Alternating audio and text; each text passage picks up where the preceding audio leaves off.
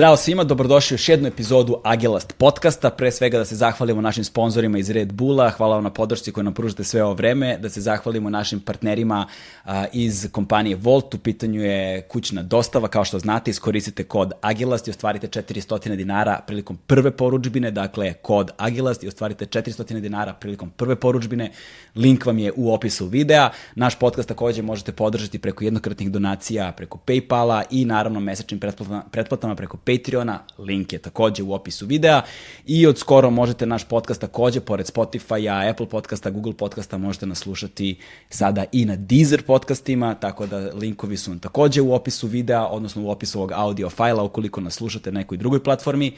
I a, naš gost za dana, današnji gost, zapravo trebalo je dvojica da budu tu, braća Burazeri, odnosno Dečko Car. A, u pitanju je veoma poznat modni brend koji postoje evo skoro puni 20 godina i koji je obeležio ne samo jednu generaciju, ne samo jedan ono društveni kulturološki milje, već su postavili kultni status ono malih preduzetnika ovde u, na našim prostorima i podigli su standard lokalne modne industrije svakako na viši nivo i isprepletani su ne samo kroz modnu industriju, nego kroz celokupan kulturni milje u našem društvu i sa Nikolom ćemo danas razgovarati o njihovoj karijeri, o njihovom životu prethodnih 20 godina. Neca, nažalost, neće biti sa nama, ali iz opravdanog razloga zato što je dobio dete pre neki dan. Čestitamo Neco. I pre nego što pređemo na epizodu, volio bih samo da izdvojim uh, malo vremena, malo vašeg vremena. Uh, naš dobar prijatelj, kolega sa muzičke scene u Srbiji, ima čerkicu koja se zove Anika, koja je nažalost rođena sa redkom muskulatornom atrofijom. U pitanju je SMA tip 1 bolest, koju veoma mali broj beba preživi prvu godinu. Ona je doživjela svoj drugi rođendan i umeđu vremenu je otkrivan lek za ovu bolest, ali on nažalost košta 2 miliona dolara i pokrenuta je kampanja da se skupe donacije, ne bismo li mogli da je kupimo taj lek. Ukoliko vas zanima da li možete da pomognete, takođe će prva stvar koju vidite u opisu ovog videa, odnosno na audio fajlu, biti linkovi i podaci kako možete da pomognete i da donirate, ne bismo li skupili lovu za taj lek. Hvala vam puno svima i vreme je sada da krenemo sa našom epizodom. Uživajte.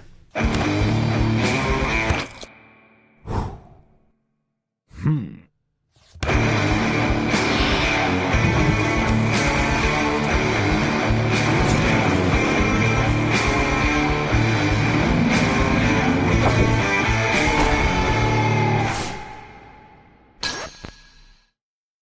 Dakle, nema više spavanja, a? Ma ima, da, nema, tu je Red Bull. Da, hoćeš Red Bull, brate? Neću, ne pijem. Uf. Hoćete vi Red Bull? Ja ću. Ja hoću. Mare, hoćeš ti Red Bull? Ovaj, a, da, za početak odmah da napomenemo jednu stvar, pre svega dobrodošao, to je prvo i osnovno, a ovaj, druga stvar, Neca nije tu sa nama zato što je Neca skoro dobio dete i čestitam ovom prilikom, nisam stigo ranije da ti čestitam, čestitam Neco, čestitam vam oboma sve najbolje uh, u životu i dobrodošli u uh, svet roditeljstva. Kako se snalazi on sada u toj ulozi? Pa super. Mislim da im onako ide to dosta prirodno. Mislim, hteli su dete, pa su da, da. dobili, tako da se nekako... Ja kao stric sam zadovoljan. Ti si sad već veteran što se toga tiče, te dvoje. Pa nisam veteran šta, dete, 9 i 6 su Sonja i Marko, tako da, ovaj, znaš, ono, imam da, da budem veteran u roditeljstvu još. Još dugo, da, ali u ovom kontekstu kao sad novorođenče ja. i ono, deca, evo, ova moja mala sad ima, sad će dve godine, znači haos jebote, znaš, potpuno svaki dan je neko novo iskustvo koje do sada nisam imao prilike da doživim. Mada je, nisam ni ja sinoć nešto posebno spavao, ova mala nam je nešto probudila se tipa u jedan ujutru i rešila je da je to sad vreme kad se ona probudila. Tako da smo od sinoć doviđenja, razumeš, ne znam kakav si ti. Ono... To smo pregurali, to, je, to je za nam. to, je, to je i za vas. Ovaj, malo pre sam baš teo da ti pomenem, nego nismo stigli.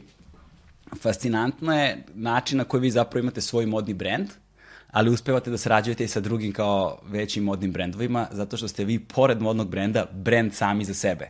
Da li ta rečenica koju sam sam izgovorio ima smisla? Da kapiraš što ti kažem? Znači, Dečko Car da. i vas dvojica niste samo modni brend. Znaš, vi imate status nekakvih ono društvenih ikona, mogu da kažem slobodno, poslednjih 15 godina sigurno, u, Beogradu, u Beogradu svakako, znaš. I mislim da je to ono zašto zašto vole da se zakače, razumeš, komercijalni sponzori u suštini. Pa, moguće, da. Znaš, e, sad ja bih voleo o tome da pričamo, razumeš, o, toj, o, o, tom, o tom putovanju i toj evoluciji, jer ona nije ni slučajna, da ljudi ne pomisle da je ne, bilo šta u ovome slučajno, i da je to zapravo sve produžetak onoga što je kod vas nastajalo iz nekakve ulične umetnosti, yes. Prvenstveno. E sad, ta ulična umetnost vuče korene tamo 90 i... Sedam. 97. Hoćeš, hoćeš prvo, pošto slušam podcast, pa znam da uvijek prvo najaviš ove neke osnovne stvari što moraju da se odrade. to uradim ili- posle, to E, uradim dobro, posle, kad, dobro, kad, dobro, kad završim. Kad završimo, kad se pozdravimo, ja to posle naknadno Dobro. uradim, znaš, tako da možemo da počnemo odmah, nemoj ništa da brineš. E, da, pa nekad, 97. otprilike. Mislim da je to bio, da je, da ta godina je u stvari neki prvi grafit koji je onako sevno na, na zidu. E, obojica smo išli u desetu gimnaziju, u tom trenutku sam ja bio treći srednje, Neca je bio osmi razred, i, ili, dru, ne, 97. sam bio drugi. I išao sam... godište? 80. 80. A Neca 83. I tu sam se u stvari više družio sa nekom ekipom koja je 78. s kojom sam bio u, u smeni. Uh, U toj ekipi je Igor Canatović, poznati kao Sub-Zero, Duško Bajić kao ABS, odnosno Absolute B, Leko. I uh, kako ja sve njih znam, u stvari zato što Leko koji je Neci i meni nekako uzajamni kum, sad da vas ne davim s tim detaljima, ovaj, je išao sa našim prvim komšijom u osnovnu školu. Mi se znamo iz detinstva. I nekako je ono preko Miće i preko još jednog e, drugara koji je stvari bu razred od moje drugarice iz e, razreda koji išao s njim u razred, sam ja krenuo s njima to da izlazimo u bus na hip-hop žurke, no, ono, ono, i kao tu i tamo se dešavao po neki source magazin i kao, brate, vidi ovo, bila ona jedna strana kao sa na grafitima. kraju, na kraju je, su bili oni vozovi i bili su... Pa nije baš na kraju, to je bilo možda negde na četvrtini, trećini, Aha. koliko se sećam source. Na kraju su išle recenzije i reklame. Da. Jeste da bilo je puno Ovaj, reklama na kupao kraju. sam Source posle kad, kad sam skapirao da može da se nabavi. Ovaj, um, I tu negde s njima u stvari kreće svo to druženje. U stvari da se vratim na nešto malo pre toga, mi jesmo obojica u, u, u osnovnoj onako se više isticali na likovnom nego na književnosti, na primjer. Matematiku smo isto obojica voleli.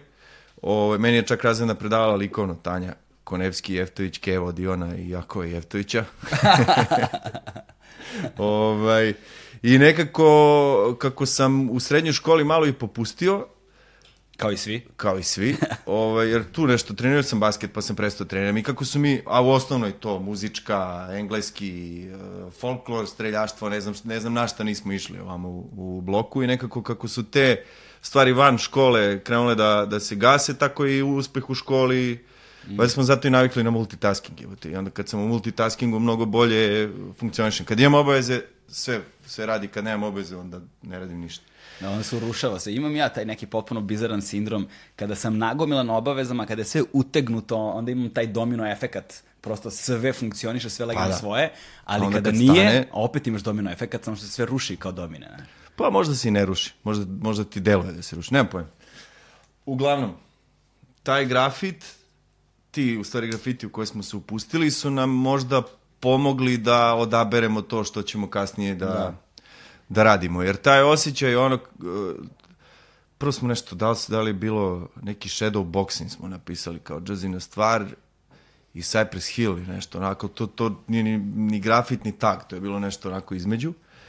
Pa posle par meseci uradimo, pisalo je Liquid i, i imali smo portret Chuck Dia, to je bilo u 23. bloku, kad tramvaj otprilike onda preko puta 19. zavrne na toj jednoj zgradi i uradili smo Lion grafit na 10. I kao došao sam kući, znam sam imao neke tregerice, ono, isfleko ih i kao, kao, gde si bio, šta si radio? Pa kao, crtali smo grafit, šta si radio? Pa kao na školi, ajde, ajde da vidiš. I Kea vidi, bude u fazonu, pa kao, ajde, neće ti pravi problem, znaš. E. I sećam se sad, na 20 godina mature su mi prošle godine pričam i drugar, kaže, ne mogu zaboravim, čovječ ulazi Zozan u, u učionicu i u fazonu Radojčiću. Kao, jesi ti crtao na školi? Ko jesam? Pa imaš smisla za te stvari. I nekako, Da. u stvari to kad uradiš nešto i vidiš kao, jel moguće da sam ja ovo napravio, e, to je, to je u stvari bila presudna nekako tačka da, da kažemo da će to jednog dana biti naš, naš poziv. I onda smo to kroz grafit ušli kasnije u dizajn i E da, ali vidiš, e, čekaj, za poredak, gde se nalazi deseta gimnazija? 21. blok ovamo, 21. između ne, da, šest blok. kapara i arene, na primjer. Da, da, s tim gimnazijama sam ono slab, vrlo posebno što su se menjale ono posljednjih 20 godina 30 puta, tako da nemam pojma Da, koja, pa dobro, koja je deseta više. je ostala deseta. Jel Mihajlo? Pupin je bila u tom trenutku, ne znam da li dalje. A nekako mi smo tu u onoj lameli u 21. živeli, baš i rastu sam u dvorištu desete, kao tu smo Da, inače, inače, to smo baš kad smo se videli pre neki dan utvrdili, utv, mislim, ja sam utvrdio, ti si već znao, ovaj, Igor, a, kog ja znam zapravo kao T-Break, dakle Da, iz benda da, T-Break, da, da. Ovaj, on je zapravo bio sub, Jel tako? Jest, Sub, jest. sub. E, a ja sam sabove lik, grafite znao, ali nisam znao ko je lik. Da. I evo sad, kao 30 godina kasnije povezujem tačke za koje, znaš, za koje nisi imao pojma, ne, Pa- ne bih nikad ni pretpostavio, čoveče. To je to. Da. O, e, a sad, da ljudima malo oslikamo crtanje grafita u to vreme, a baš nije bilo kao crtanje grafita danas. Na, Za početak, uh, mi nismo imali te boje, ono, sećam se, Da. sećam se, ja, ja kao klinac kad sam se malo ložio na to, ja sam bio sa ovom ekipom, sa Srđanom Dimićem, sa Dimonom, Mm, Demonom, to, Dubi, Maska i ostali tamo zemunska ta ekipa. I, ovaj, I znam da je to bilo kad naletiš na one kenda boje, to je kao ludilo, to je najbolje što si mogao da nađeš i svi su bacali srebra uglavnom jer nije A, da. bilo boja zapravo mnogo. I u, u tome su se zato baš ono ABS i, i, i SAB ono, toliko razlikovali jer svaki put kad vidiš njihovo to je bilo nešto prepuno boja, ja ne znam nikako Da, ste se vi da. snalazili za boje u to vreme. Pa, e, znači, kad se vratim na tu 97. taj Source, e, već su, po, bio je stav tamo Da. u 70. bloku, ovaj, Jens, Cobe, Miškec iz blokova, oni su nekako isto to načeli u, u isto vreme i to nas je u stvari sve negde i pokrenulo da, da, da uđemo u, u sve to. I da, postojale su Kenda boje i Kosmos boje, Kosmos je bio krš, imao je kao možda malo više nijansi, ali loše bacao, loše su kapice bile, Kenda isto imala nikakve kapice, bilo je ono 12 nijansi i to je to, ono kao žuti sprej nije postojao naranđasti je bio nešto bez veze. Bila je u Rooseveltu jedna farbara, slovenački Helios, koji kao mogu si, miksovali su boje. Da, da, Pa da. kao dođeš i izabereš, ali su bili mnogo skuplji. Tako da to negde baš i nije bila opcija, kad si u srednjoj školi, kao ono, imaš džeparac za užinu, od koga ujedno i odvajam da kupujemo diskove, kao ono, bugare i originale i... Da, doći ćemo do toga kako, već, kako, da. kako su nas ti bugari ono, ovaj, zapravo, zapravo oplemenili na više, više navrata sa gostima koji su bili ovde, razgovarali smo na te teme, oni su bili u fazonu, na s jedne strane, ne znam, uh, Oliver iz KKN-a, na primer, Vikler, ne znam, i tako ljudi su govorili kao, brate, nas su ti bugari spasili, bukvalno ono bede. Ali doći ćemo dotle. Nego da se vratim, da se zadržimo još malo na grafitima.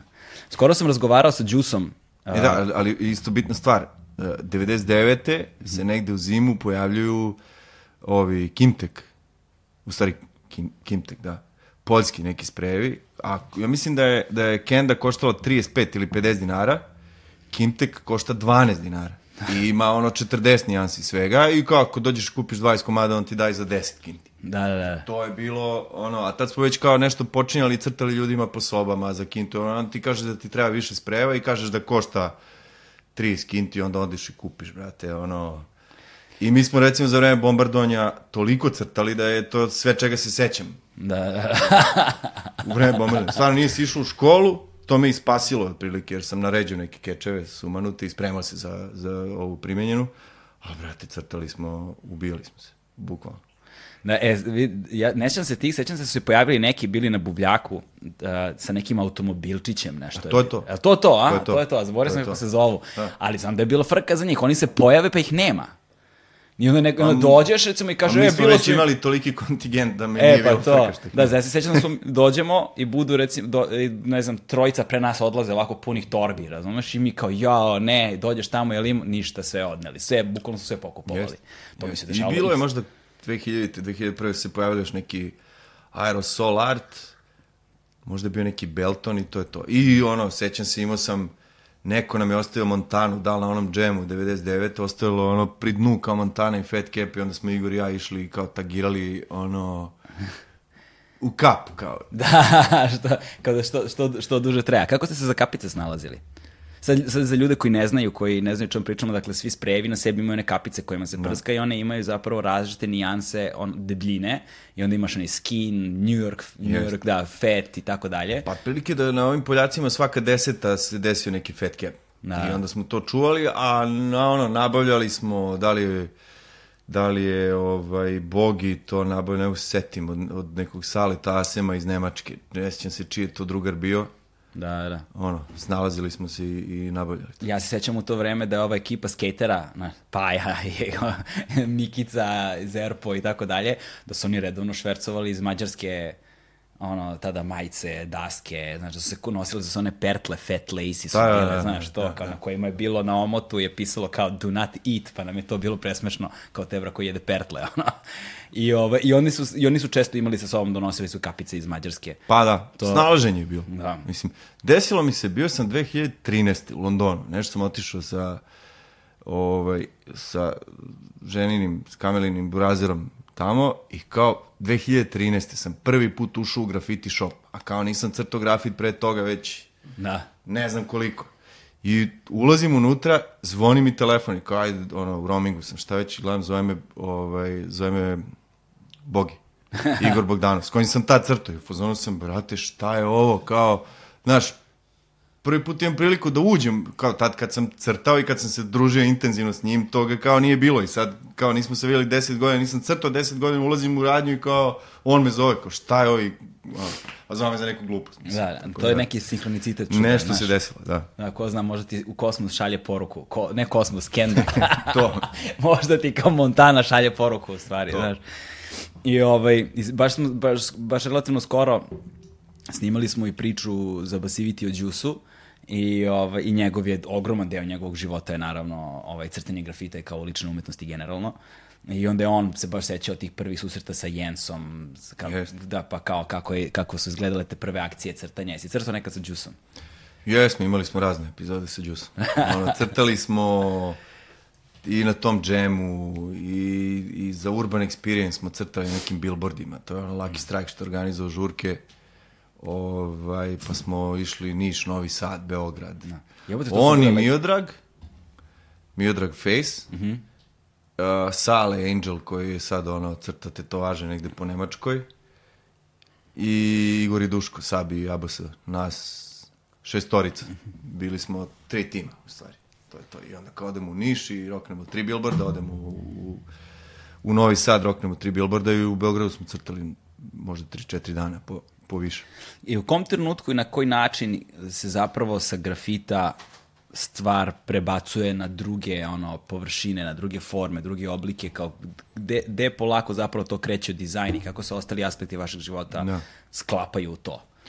Uh, Igor je završio to gimnaziju pre mene, on je upisao višu politehničku ovaj, dizajn. Onda sam ja probao dva puta da ovaj, da upišem akademiju, pa nisam uspeo i nekako već u tom periodu kao, ok, znaš, već sam dve godine u zaostatku, ja kao ako upišem o, ono, morat ću pet godina da studiram, Keve Ćale će već lagano u penziju, čega ću da živim, ja polako ulazim u te, da kažem, vode ono, dizajna i komp smo isto dobili ovaj, od strica, ono koji je došao iz Australije, ne znam, 99. pa nam je ostavio kintu, 2000. smo kupili kad je kao prošao Millennium Bug. ovaj, tad smo kupili komp i onda to kao Corel i Photoshop, učiš. Komšija nam je, komšija Mališanović, nam je donosio, ovaj, on je kupo PC Press, ja mislim. I onda su bile neke stranice s nekim tutorialima za Photoshop i nama je to Ćale kopirao i donosio kao da mi iz toga učimo. I tako smo na neki način krenuli. A, naravno, uvek kreneš s nekim muzičkim izdanjima za neke drugare, za ovo, za ono. U tom trenutku, Za koga ste vi radili, koji su to drugari za koje ste vi radili? Kao, omote za albume, misliš? da, da, da. Jedna od prvih stvari, ta, taj logo, oba logotipa u stvari su nacrtana flomasterom. Su bili baš za Red Zmaja i za Beogradski sindikat. Jer je Đolo u tom trenutku bio s mojom drugaricom Danielom i onda je tu nešto, a kao oni crtaju, ajde da probamo, vamo namo i to se tako, ovaj, to se tako desilo. Ne mogu to da nazovem prvim profesionalnim angažmanom, ali dalje od toga krenulo u stvari prvi, prva velika stvar koju smo uradili je bio omot za neku tilt kompilaciju, za maskom Jao, sećam se toga, čoveč. Da, da, da. da i da, da. plakat za neki hip-hop uh, Streetwise festival. Na, ali na tom tiltu je bio neki čovečuljak nacrta nešto je bilo To, tako. Streetwise festival je imao tog čovječuljka. Čovječuljka, tako je, To da. je Igor, Igor crtao. Ovaj, to je Sonja Perić organizovala sa, DJ sa Lokom u Sonja. Marutani, gde smo mi crtali grafite, bili su nastupi, bila je ta kompilacija, bio je to kao festivala. I to je u stvari prvi, prvi da kažem, profesionalni angažman koji smo imali kao, kao dizajneri. Da, i čovječe, ta Tilt kompilacija je zapravo bila a, jedna, jedan od ključnih trenutaka, verovatno sad svakako za tebe u svetu dizajna i tako dalje, ali u svetu hip-hopa u suštini, tada su mnogi čuli prvi put gomilu domaćih izvođača na jednoj kompilaciji. Tu je, tu je, bila, tu je bio VIP, ovaj, Atlantida prva, Jest. tu je bio Beogradski sindikat, neki je tu bio isto prvi, Ne mogu se da jeste, tu je neki sindikat da bio svašta. to. Imam, imam to i u portfoliju i na polici s diskovima i dalje. Kao. Svašta je tu bilo, da, svašta, svašta je bilo na toj kompilaciji. Pa ja mislim da je tad u stvari krenuo, znaš, da tad si imao kao 90. Sunshine, Who is the best, ne znam, Da. Ake Me, Robin Hood, ovo. Robin da. Hood, Grua i Đusa koji je tad bio klinac, a onda ovde kreće nova ekipa u stvari da se pojavljuje. Mislim, to kao VIP, sindikat, Bad Copy, novi talas u stvari Da, da, ti si- bendova koji sad dobijaju svoju ono Ali oni su svi bili i ranije, naš Bad Copy je bio 95. još, ono, znaš, sa, Pa da, ali čini mi se da ovde da čini mi se da ovde nekako dobijaju na Tako je, da. Sa SKC radijom u suštini. Pa da, da, da, to je, da, to a se, to je otprilike taj period. Da, 2001. Tu, To je to. Tu, tu, se, tu, se, tu, se sve de, tu se sve dešava. To je to. Ove, sad si otvorio ono milion nekih kao ovaj, rukavaca o kojima bismo mogli da razgovaramo. I s- sad, rekao si da si radio omote za, za albume, kao što je bio Red Zmaja. Sad treba ljudima da objasnimo šta je Red Zmaja, za one koji ne znaju. Pa da, sindikat je u stvari uh, u tom trenutku bio bio sindikat nekoliko bendova. Da, da. A Red Zmaja su bili Škabo i, i Đole. I To. to je to. Bio je i Dica sa njima. Njihov, njihov orta koji ne, da li je na Kipru živeo, pa onda nije, nije ga bilo. Ovaj, I to je to, napravili smo to kao RZ logo, ispod je pisalo Dečko car što je ime njihove pesme i to se prodalo na koncertu i kao čekaj, znaš, aj kao što ne bi pravili nekakav brend, jer u to vreme je Paja radio Kobaz ili Četniks ili Četnik si bio, nije bio Kobas tada još uvek. pa ne sjećam Da. se meni. Posle to došlo, da. Da, da, da. I Rope. da. I to je to. I nije bilo HM-a, nije bilo Zare, nije bilo ničega, nego kao ćeš kupiš majicu, znaš, daj 30 maraka, ono, kao dakle mi, brate. Ajde da napravimo sami, jevi. Znaš, da, znaš, sad je vrlo zanimljivo da govorimo o tome, zato što danas svi prave majice. Da. Bukvalo svi. Evo, ja sam napravio svoju prvu poručbinu pre nekoliko dana, treba da stignu majice ovog podcasta, razumeš? Da, Tako da, da, da. bukvalno svaka budala danas pravi majice.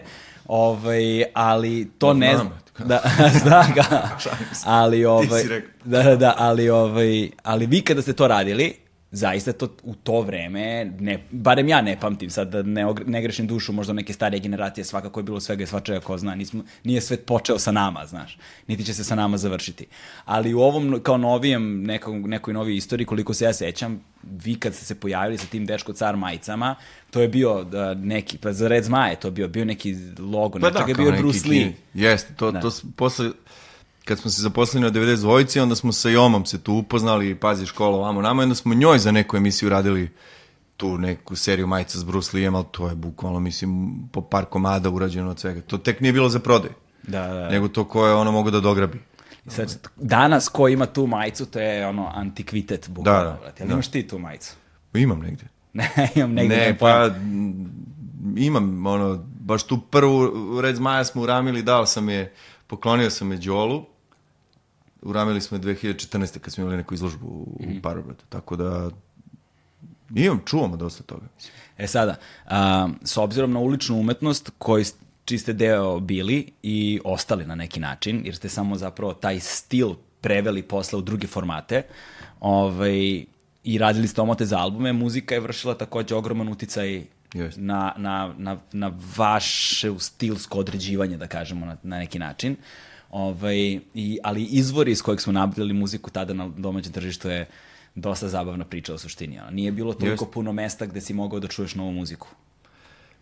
Da, bilo je drugačije, mislim, sećam se to, znaš, od ono, stoji kas pored TV-a i gledamo treći kanal i MTV ujutru i kao to presnimavaš, pa onda kad mi je ortak dao kabel, ono, skart iz TV-a koje možda se ubode u kas kao, brate, pa bolji snimak. ono, ali to sediš i čekaš onda krene enigma. Kako se zvala stvar, onaj spot što ide se unazad, koliko me nerviralo to. Ko je vrti? Šta je? Koji? Ja znam, za, Ja ja, ja, ja, znam, ženskim ja znam za ono sviće, sviće, tek što nije. Što, znaš, se sećaš da je bila kao Enigma neka, bila je neka pesma i onda smo mi tu mačili kao da pevaju na srpskom Return to jeziku. Innocence. Return, to Innocence. Ne, kako se, a kako se zvalo ovaj najveći hit Enigmin? Pa ima kao deo gde se čuje kao da pevaju na srpskom. Ja, dođi mi sada pusti, majke mi. I onda se čuje jedan deo teksta, kao da izgovara sviće, sviće tek što nije. Sam nemam pojma šta da Moguće, izgovara. to i na- je kao neki hor, ono, kao neki crkveni, hor peva to, crkveni, znam. nešto, da, da. E, nekako sve kreće iz tog perioda. Kad smo, prvo smo pecali tu Unlimited, kao to, šesti, sedmi razred sam ja bio Neca još mlađi. Sta, e, ja pričam u ime nas dvojice, s Da, tim da. što je Neca i dalje o kraj 90-ih Neca osnovi školi, nekako nije, nije prosto imao prostor da, da ono, Da. jer je, obojice smo bili klinci.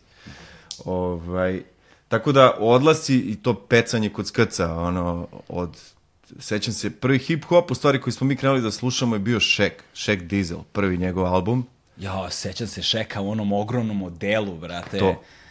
To. Da, da, da. I da. kao kroz to smo ušli, pa onda e, sećam se, možda neki osmi razred, leto, popodne, subota, kao ja na U radiju pecam neki hip-hop, to je bila emisija Talas, koju je Sonja vodila.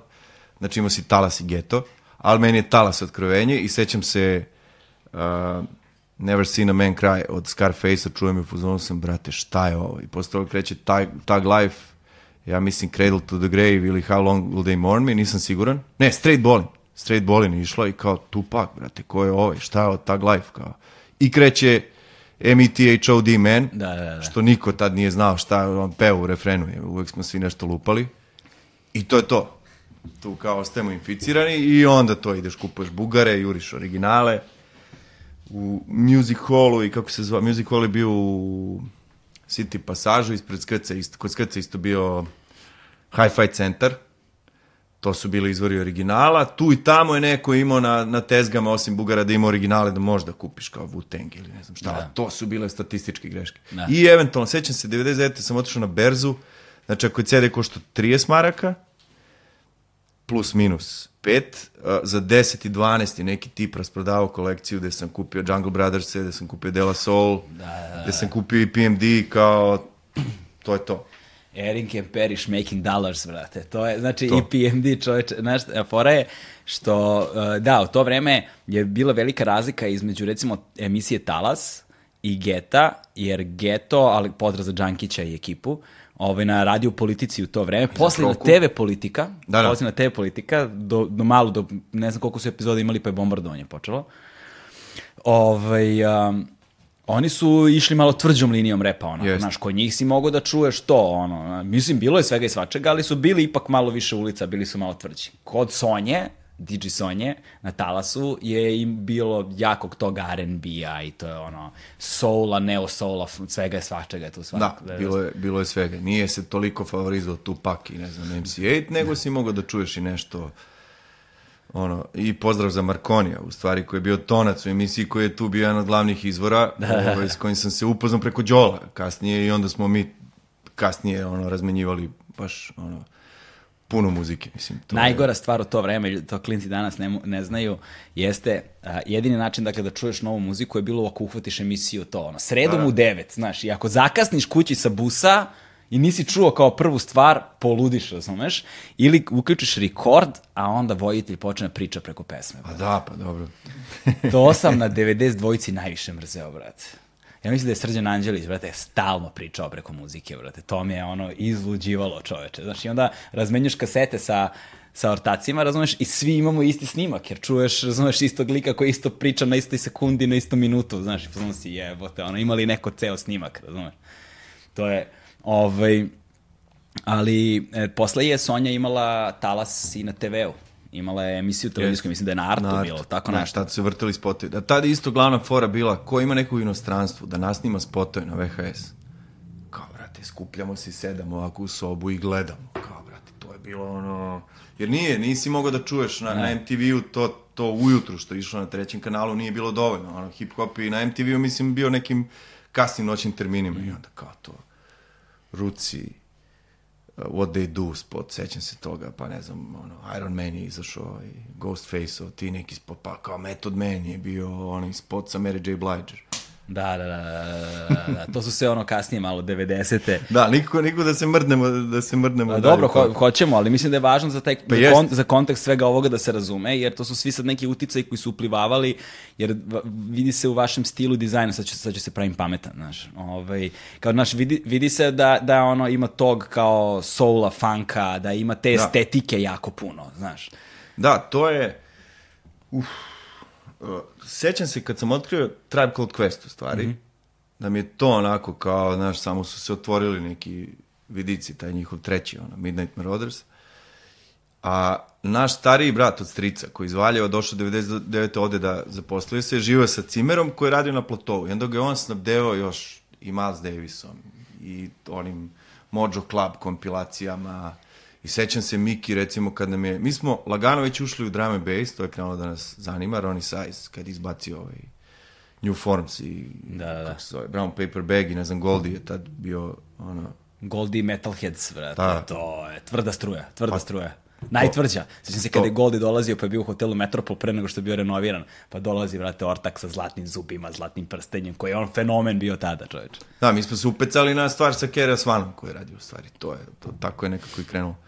Ovaj, a Miki nas je u razred snabdevao to džezom i u stvari, znaš, skapirali smo da sve to što je semplovano u stvari ima jednu ono, kao, mno, tek je to ono dubok okean. Da, da, da, Kao da, šta da. te sve tu čeka.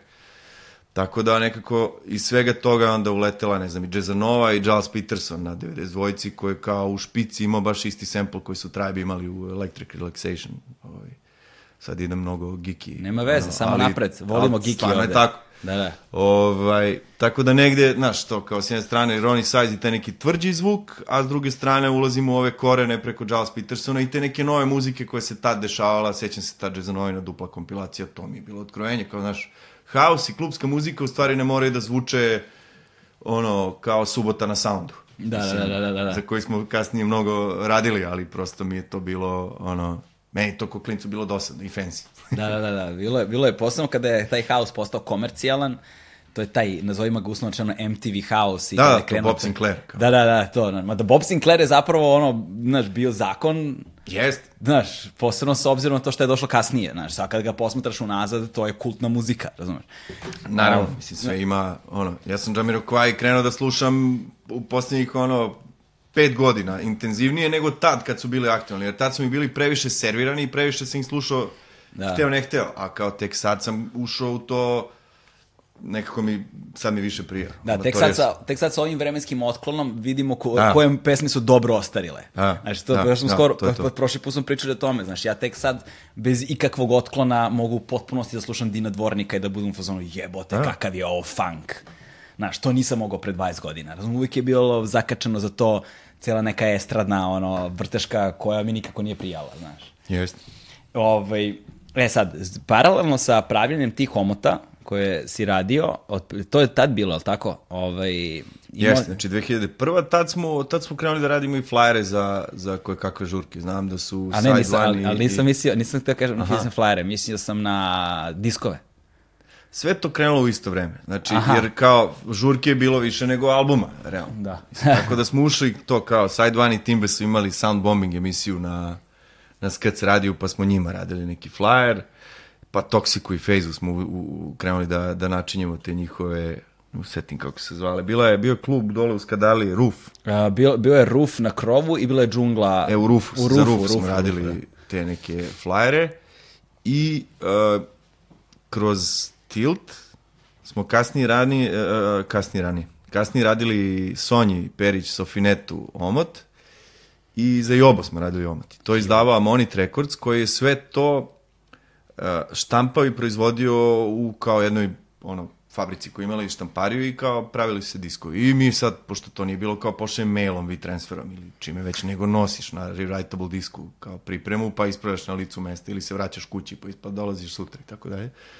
I ovi štamparije svako malo nas vrbuju, kao ajde kod nas, ajde kod nas, mi ovde radimo, znaš, mi kao klinci, ono, nije baš da bi se zaposlio, malo i studiraš, malo i nemaš vremena. I kao prelomimo mi, Igor i ja u nekom trenutku, znači, opet kažem, Necu, stalno sam u fazonu zašto on nije tu pored mene, Da, da, da, da, da. ispašće da ga ignorišem, ali kao i, i dalje je bio klinac. Ne. Ovaj, nije, nije ono, mislim, sede on s nama i kao, i on je kljuvio neke stvari. On, on je recimo napravio, bio, Neca napravio sajt za BG Illegal. Mi smo tad to, grupisali smo se svi, kao se, jednu tu ekipu crtača, ove, imali naš, naš sajt sa, sa grafitima. Uglavnom, uh, kao, ajde, pristanemo mi da radimo, jer je plata bila, na primjer, 500 maraka, bile su neke sumanute smene na, na Zvezdari, nešto od 7 do 2 ujutru ili od 2 do 9 uveče. I to je u stvari bila fabrika piratskih diskova. Oni su radili tu i tamo neka izdanja i štampali to jer su imali mašinu koja to proizvodi, a e, mi smo retuširali omote. Šta znači retuširali omote? Pa, ono, skenirana, skeniran, uh, ovaj, kako se zove, uh, radili smo, radili smo uglavnom kompilacije, mm -hmm. ovih, kako se zove, šta, na primjer, ono, Erika Badu Ultimate Collection ili, ne znam, Dire Straits Ultimate Collection ili šta već. I onda tu napraviš nešto ili dobijaš neki skeniran omot, pa onda od toga praviš neku, neku džidžabidžu.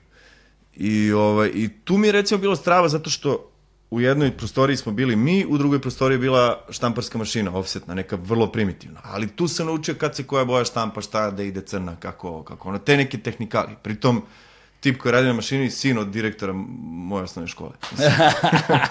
Stalno je nešto bilo, kao... Da, da, da. Ovaj, I onda su jedan dan, tu je ušla policija i kao momci, ono, stupite od računara, dajte lične karte. Mi kao, šta je?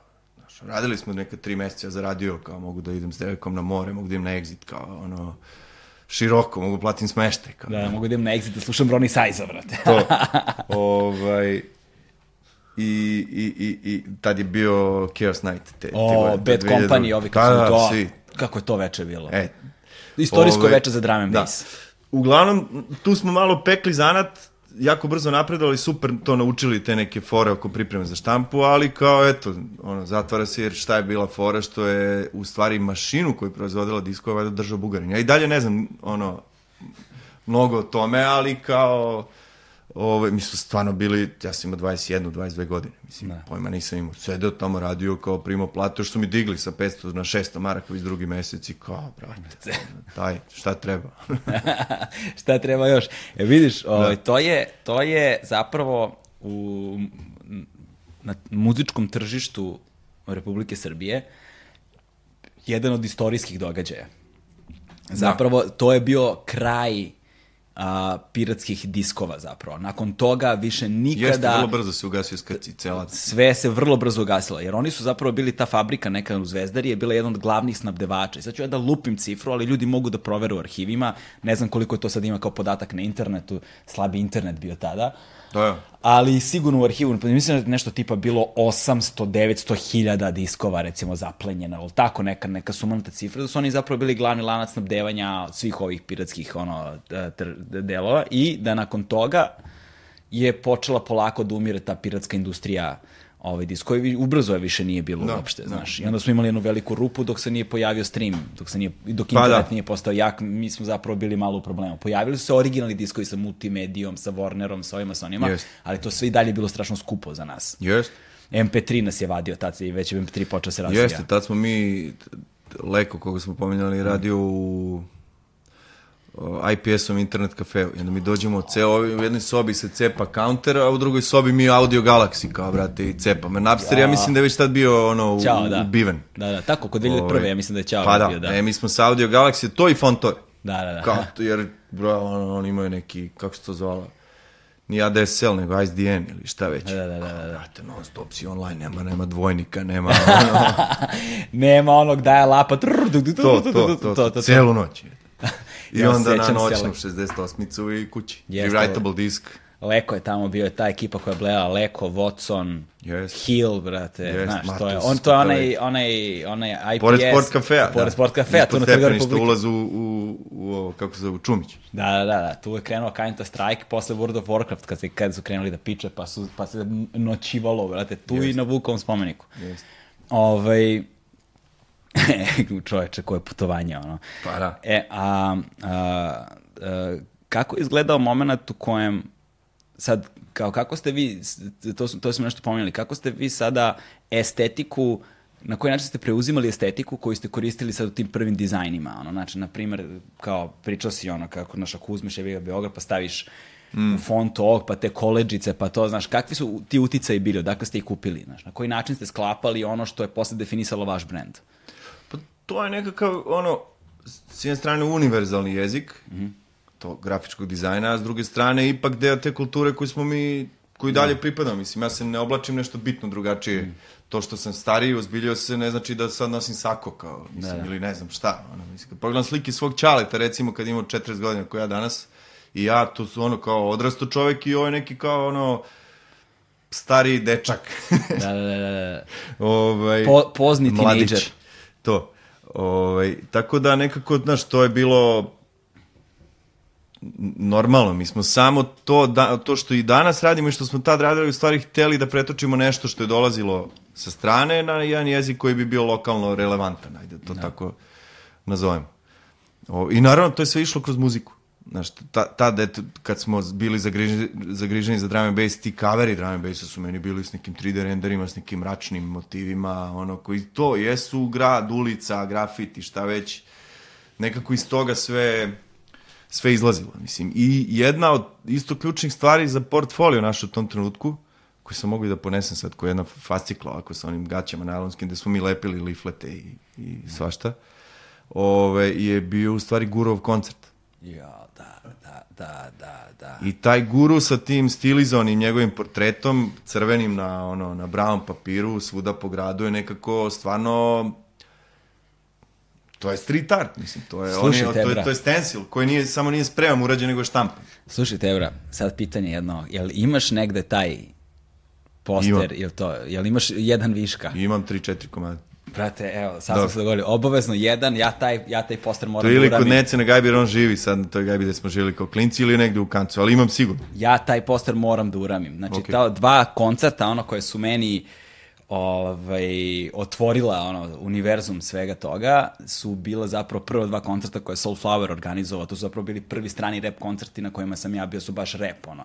Bili su oni, kako su se zvali, ah, nije Urban Dance Squad, nego oni su bili nešto tamo. To je bilo ranije, ja sam bio malo, bio, da, da, da, bio sam klinac, ovaj, ali prvi su bili Daz FX u da. SKC-u i Guru dže, guru sa, u, u, u, sa onim, kako se zvao? Kramp Snatcha. Kramp Snatcha, da, jeste. Evo ti da. neki DJ Torres kao neki naš da. Slik. Pa, dobro su bili, da, u SKC-u, ta dva, ta, ta, dva, ta dva koncerta, to je bilo to. To je bila da. trenutak u istoriji nakon kojeg se dešava sve ovo što danas živimo. Na, pa, na primjer. Da, da. Od prilike, da. Znači, e. znači, taj plakat vam je bio kao prvo tako. Jeste, jeste. I to je Soulflower organizovao, to je Reljen Burazir Marko Milanković. Njemu smo isto za firmu radili ono kao vizual identitet i on je tad bio, ajde radite kod mene, ajde radite kod mene, pa se nešto otvorila neka opcija u Mekenu ovaj, tad kad sam, kad sam završio sa, sa, tom, sa, sa tim retuširanjem i, i štampanjem omota i nekako se desi 92-ka. Šta znači nekako? A, drugarica moja, Jovana Karaulić, mm sa kojim smo, da, tad smo radili festival studentskog filma. Ovaj, uh, kao je, znaš, 92-ka, tad je tek krenula kao televizija, to je znači 2002 a te, oni su postali kad su oni, posle 5. oktobra možda krenuli. Mm. Kao to se razvio ovamo namo i ja odem tu, upoznam Đoleta Markovića i ne znam, Urkita i nekako to što sam upoznao tu ekipu, recimo tamo, mi je bilo onako presudno da, da odlučim da se ipak tu zaposlim. Znači, od te tri, imao sam kao, mogu sam skoro i da biram i kao zaposlimo se ovamo i od 2002. do 2011. ostanem tamo. I tu u stvari možda dolazi Necina, kao Neca se tu uključuje, kao da kažem, profesionalac, znači na pola njegove prve godine te više politehničke. Inače, obojica nismo upisali fakultet primjenjenih umetnosti, ja sam završio višu likovnu, Neca je ostao na više politehničkoj, nije nikad završio. Zašto? Zato što sam ja kao, e, znate, ja bi idem na skijanje, kao, to je februar, radim tek tri meseca. Kao Burazer moj zna isto što i ja, kao lagani su projekti, evo doće on da radi umesto mene. I ja odem na skijanje, Neca dođe, bude tu nedelju dana, nače neke projekte, onda ostane još nedelju dana, pa još nedelju dana, ovamo namo i ostane on još 9 godina. Tako da to je u stvari negde bio možda presudan moment naš, u, u, još jedan u toj, u, ono, da kažem, profesionalnoj karijeri. I šta je bila fora? Što je 92 tad nekako izgledala nešto između BBC-a i MTV-a, kao i ozbiljno i funky, i zabavno, ono, i šareno i korporativno. I to je u stvari bilo, gde smo, ono, mi smo taj neki street jezik mogli da, da prenesemo na nešto što je korporativno i ozbiljno i pre svega viđeno i prepoznato. Da. Jer se to ipak vrtalo na televiziji i televizija se tad gledala. Dojite kako se gledala. Ovaj, I to je to. I onda od, od te neke 2002. na ovamo tek kreće u stvari, da kažem. Ali nekako se sve lepo, nekako se sve lepo uklapalo, ovaj, ti, taj kratak jedan vremenski period, da kažemo, procvata televizije B92, pošto mm. ja zaista sad je to moje lično mišljenje, ono, imam vrlo podeljena osjećanja i mišljenja pa, da. kada, kada, kada upitanju 92 i njihov način poslovanja i tako dalje i sve ono što su radili, ali postojao je taj jedan period kada se nekako otvaralo uh, znaš, kupovale su se neke dobre serije, kupovao se nekakav dobar yes. sadržaj, bilo nekog puno edukativnog sadržaja da si mogao da izbinđuješ bukvalno ono šest sati ispred 92 i da vidiš svašta nešto, da ti bude do jaja, da ubiješ jedno posle podne, ono, lagano kad nisi otišao u školu ili tako nešto. Ovo, iz druge strane, ali su bili ti brejkovi gde se nekako sve vezivalo dobro kroz vaše kolaže. Vi ste tada jako puno kolažnih ono, Jeste, stvari mi smo, vadili. Mi smo proleće, leto, jesen, zima, svaki put dizajnirali novu, nov kao identitet mm -hmm. televizije. Sve je bilo moralo da bude okupano potpuno drugačije, ti džinglovi, reklame, kao ono, najave i, i šta već. Tako da to je u stvari, to je tamo bio najveći posao. U kom trenutku i kako dečko car ono, postaje established u kontekstu kao odlučujete sad je ovo naš brand kojim treba da počnemo da se bavimo, kako odlučujete smer u kojem se krećete i još mnogo važnije kako hendlujete ono što je zapravo i dan danas negde ovaj, jedan od ključeva vašeg uspeha, da ostanete autentični bez obzira što ste izašli iz undergrounda. Znaš, kako biti relevantan, a biti mainstream istovremeno. Ali dobro, doćemo do toga. Da. Hm. A, da, kao underground kultura i mainstream kultura. I ono da. što ljudi zovu komercijala, što mi je ono najodvratniji izraz i to mislim da nisam koristio ono posljednjih 20 godina. Da, da, da, da. Svog ovaj, života. Uh, pa, uh, Dečko car se razvio, mislim, od tada, od 2001. od tih logotipa i koncerta tih prvih, uh, nešto smo radili zajedno, pa smo, s, došlo je do nekakvih glupih nesuglasica, ono, sa Đoletom i Boškom, vamo, namo, i nekako je to ostalo kod nas, kod njih je ostao sindikat. Da. Ovaj, A čekaj, kao koji sin... se, Pa ovaj logo sa ovim... Aha sa ovim MC, sa onim prstom, tip Aha, sa kačketom i tako da. To ste vi da, radili, stvari, da. To je, to, je to što ti kažem, malo precrtano je flomasterom. Flomaster, lenjir, kao bojen, uredno. Mislim da Đole imate originale negde ono, kod kuće. Ovaj, mi smo to ono usput radili. To je uvijek bio side projekat gde kao, znači, radimo na 92-ci koja nam daje prostor i da tezgarimo sve dok mi ne ugrožavamo to što da 92-ci mora da bude završeno. I to je ono što i danas kod nas u firmi važi kao pravilo, ono, no matter what, kao, brate, završi posao. Ono, nema neko, znaš, kao imamo radno vreme i nemamo radno vreme. Samo završi. Da. I tako smo vaspitani, tako je, tako, mislim, tako smo vaspitani profesionalno. Da. Znaš, dato ti je poverenje i data ti je sloboda. U stvari je kao ono, znaš, tu se učiš odgovornosti u tom balansu, kao, znaš, mogu i da se zajebam, ali kao ne smem da zajebem. Da, da, da. Dobar, to, to je dobar slogan. Mogu se zajebavam, ali ne smem pa, da zajebem. Pa sad mi je to izletao. I onda je u stvari dečko car kao bio odgovor na sve to Znaš, dizajn je uslužna delatnost, možemo o tome isto da, da i o dizajnu možemo pričamo. Da pa hajde, mislim, vrlo me zanima, malo, malo sam dotakao to da. kada sa Slavimirom kada je bio, ovaj, ali možeš slobodno da razradiš šire malo. Da, po, posebno, jer ovo što vi radite, znaš, danas je toliko mainstream i toliko, zahvaljujući tehnološkoj dostupnosti prvenstveno. Je sve mainstream, mislim. Da, svako može da radi, ali ne može svako da se probije, znaš, i sad da postoje da. ti ključni faktori koji mogu da budu, neću da kažem saveti, znaš, ali prosto kroz primere svobstvenog iskustva, kako izgleda zapravo i šta je ono što ti donosiš za sto na tržište novo i kao čime se ti zapravo daješ sebi na vrednosti, da. odnosno sobstvenom brendu. Znaš šta, uh, dobro je to što kažem danas underground, ne underground. Uh, način da ti postaneš prepoznatljiv u bilo čemu se načalno nije mnogo promenio. Da. To mora da bude, to, to, znaš, taj, to što ti nudiš kao proizvod, da li je to znanje, da li je to majica, da li je to dizajn, da li je da. to pesma. Uh, ipak mora da se drži jednu, znaš, nekakvu nekakvu količinu kvalitete ili kako sad to da, da, da definiš. Znaš, mora da postoji nekakav kvalitet, uh, nekakva vremenska odrednica, znaš, nešto što je savremeno, nešto što, je, što gađa ovaj trenutak. Da. A što, naravno, kasnije treba da ostane i referentno. A to se opet vezuje za kvalitet. To je to da ti u stvari kao profesionalac treba prema svojoj profesiji da se ono obhodiš sa poštovanjem, da, da je neguješ, da da je, da je vraćaš. Mm -hmm. I mislim da je to da je to glavna stvar. Da ako radiš ono, ako si dizajner, radi ga kako treba. Ako sviraš gitaru, sviraj kako treba. Ako popravljaš veš mašine, popravljaj vrate kako treba. Nema, nema fulanja, nema, znaš, to i sloboda i, i kao i ozbiljnost u svemu tome. I mislim da kad to konstant, dovoljno konstantno dugo radiš i deliveruješ jedan nivo ispod koga ne ideš, to je to. Je, to, je to. E sad, znaš, koliko je Cobi sedeo i peglao, ono, koliko ljudi, koliko dugo nisu znali za njega i onda odjednom kao, znaš, Cobi zna da uradi i za Saru Jo, i za Senidu, i za Daru Bubamaru, i kao svi su podjednako, za, ono, zadovoljni, mislim. E, to je sad ono gde dolazimo, govorimo o dizajnu kao uslužnoj delatnosti. Da, tu smo, e, tu smo mi imali priliku da, da radimo na 92 dvojci. I za televiziju, gde Neca savladao animaciju, ja sam ostao degen, za to nikad nisam uspio. pa, E, Ove... slušaj, ja nisam savladao ni Photoshop, tako da pa, mi, dobro, mislim da nikad i neću. da.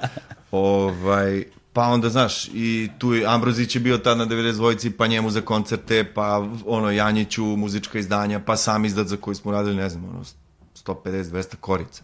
Da. I nekako kad naučiš da na istom nivou deliveruješ ono, tuđe potrebe kroz svoj, ono, kako se zove, rukopis, Ne znam, možda smo samo imali više prilike, ali opet i te prilike smo znali da koristimo, a to kako smo ih koristili je upravo bila odgovornost prema... prema... Da, možda je u pitanju zapravo taj diverzitet, znaš, da ste na, na različitim formatima uspevali da prilagodite sobstveni dizajn. Jeste, ali to nas i ložilo. Jer baš možda iz tog nedostatka formalnog obrazovanja, da nas niko nije kalupio ovim i onim, mi smo hteli sve da naučimo i kao bili uporni. Da. Koji vam je projekat, ono, barem u to vreme, bio najteži da ga uradite, ono? S, s čime ste se najviše pomočili? Da vam je bilo toliko nestandardno ili atipično ili ne znam, ono, nešto da, da, da ste morali baš da ga prelomite ozbiljno? Pa uglavnom sve što je rađeno na 92-ci. Bukvalno. To je toliko toga bilo da, ono, znaš, sećam se kad smo mi otišli, da smo se smejali, mislim, sme, smejali Da. Bilo je me neobično kao 92 došli su sad kao novi vlasnici, promenila se potpuno atmosfera, mi smo zapalili i kao Neca je ostao, odradio taj redizajn i taj redizajn se vrteo naredne dve, tri, pet godina, ne znam, ni, ja, ni ja se neću. I su pozvano, brate, mi na svaka, ono, tri meseca kao izmišlja i pegla i snima i Znaš, nije bilo ni interneta, nije, sve je išlo mnogo sporije i ono, i da angažuješ fotografa i da napraviš studio i kao, znaš, tek su digitalni fotoaparati postali tek si mogao da ih koristiš kao, ono, da, da ih upotrebljavaš za nešto. Znaš, smo imali neki Canon G5, ono, i fotografija nas je zanimala isto, mislim, i, i danas se time, ono, sad slikamo sve ove editorijale, jer, ono, to nas loži. Mislim. A vi fotografišete sami editorijale da, svoje? Da, da, da. Ove, ono mislim, mnogo drugara fotografa, ono, Braca Nadeždić, Marko Todorović, svi su nam pomogli, ono, Brka, Brkati krokodil, ali nekako, znaš, radiš na više polja, pa nekako Ne. Nemam pojma. Koje je bilo pitanje? da, gomila tih projekata, u stvari, 92 je bila glavni klijent i, i, i ono, najveća inspiracija i najveća škola. Da, da, Sad, znaš, ne mogu ti kažem šta je to tačno. Mm -hmm. Ali kad bi krenuli da kopamo, Dobro, možda, možda, možda stignemo do toga, nego fascinantno je to što ste vi uspeli da postanete kao nekakav deo, sastavni deo pop kulturnog fenomena, znaš, kao na način na koji je neki bend, na način na koji je neki mm. reper, na način na koji je neki izvođač ovakav ili onakav, glumac ili ne znam ti ja, neko ko se bavi nekom vrstom javnog nastupa, znaš, vi ste uspeli sebe da pozicionirate, ali samo kroz svoj brend, znaš, niste vi li, likom, ono, pa da, svojim, da, li, da, svojim da. likovima bili, ali kao dečko car je počinjao da postaje sveopšte prisutan. I to je ono što sam ja rekao da je razlika između undergrounda i mainstreama negde, znaš, jer lako je biti cool ono, dok si u tom nekom uskom krugu privatnih poznanstava, kontakata, internih fora, određenog, određenog, odre, određenog miljeja društvenog, kojem pripadaš, kulturološki, identitetski, znaš, i onda kao ja i 300 mojih, ono, ortaka iz grada, koji se znamo, ne znam, sa rep žurki, kao mi imamo svoj fazon. I mi smo najpametniji, I, najiskusniji u tom. Tako je, i svi... To je underground. To je underground. Svi I listen to bands that, that don't, don't even exist yet. Da, da, to, to je majica sa Threadless. E, to, znaš, i onda, ovaj, I, i sećam se, znaš, i, ta, i, i tada, i lako je biti cool tada kada praviš neki svoj mali učauren svet koji nije da. mnogo kontaktu sa ostalim svetom.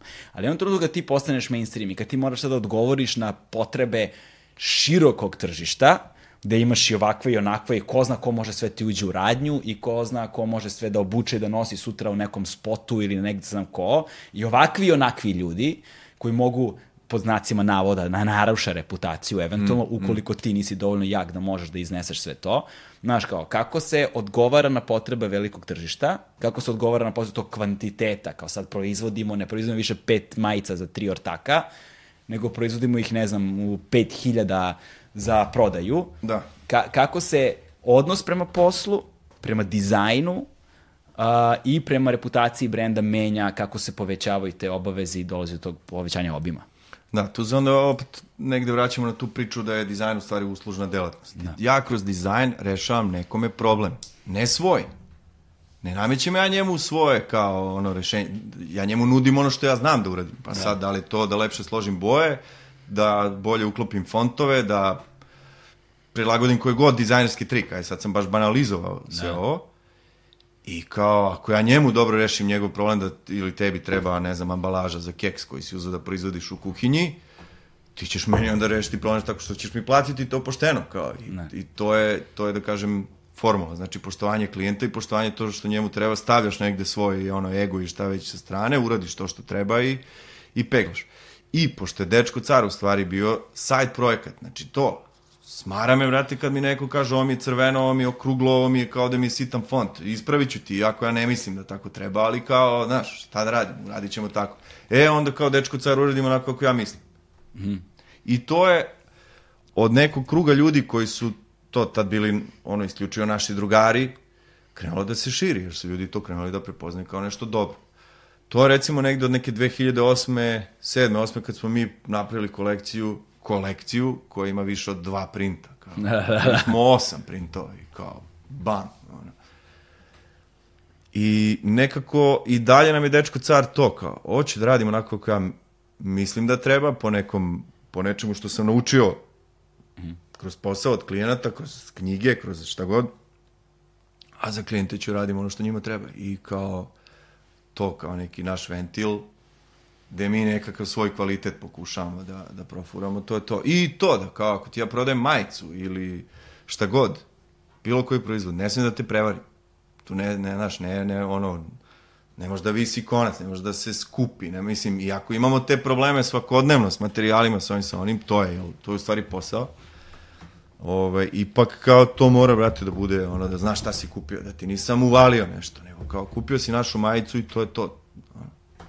Kako se odnosite zapravo prema toj vrsti ono, obaveza, kako, iz, kako izgleda to učenje, za, zna, meni je sada recimo fascinantno, to je sad trenutno, ne planiram time da se bavim, znaš, ali kao bio sam u fazonu, e, ajde kao da uradimo neke majice, kao mislim da kao ovo što radimo je okej okay, i mislim da je cool da sad nekim ljudima koji nas slušaju ovo ono možemo podelimo, znaš, možda da za neku, ono, mizernu lovu čisto da pokrijemo troškove, razumeš, mm, ono, mm. prodamo malo nekih majica ovo, ono, da malo radimo na tom brendu, imamo neki fin dizajn koji nam je radio neki fin lik, razumeš, ono, sa pozdrav za linča. I, ovaj, rekao, treba to da iskoristimo, zna. I sad, ja sam, ja sam mislio da to funkcioniše po principu, je, kao, dobra, meni je potrebno majica, evo vam dizajn, kao, Dobre, i, da. znaš, i onda sam shvatio, onda sam ispao, on si ispao baš glup, otišao sam tamo u firmu, razumiješ, rekao, je, ja bih dobro imati, i onda su oni krenuli da mi postavljaju pitanja na koje ja nisam ni jedan odgovor, razumiješ, nisam znao ništa čoveče šta treba i šta ne treba i gde leže zamke, zapravo. I sad to je ono, uh, što mislim da je fascinantno zato što, i važno, zato što sad to govori o onom odva, odvaživanju, da to sad mm. reč kao odvaživanju, ja.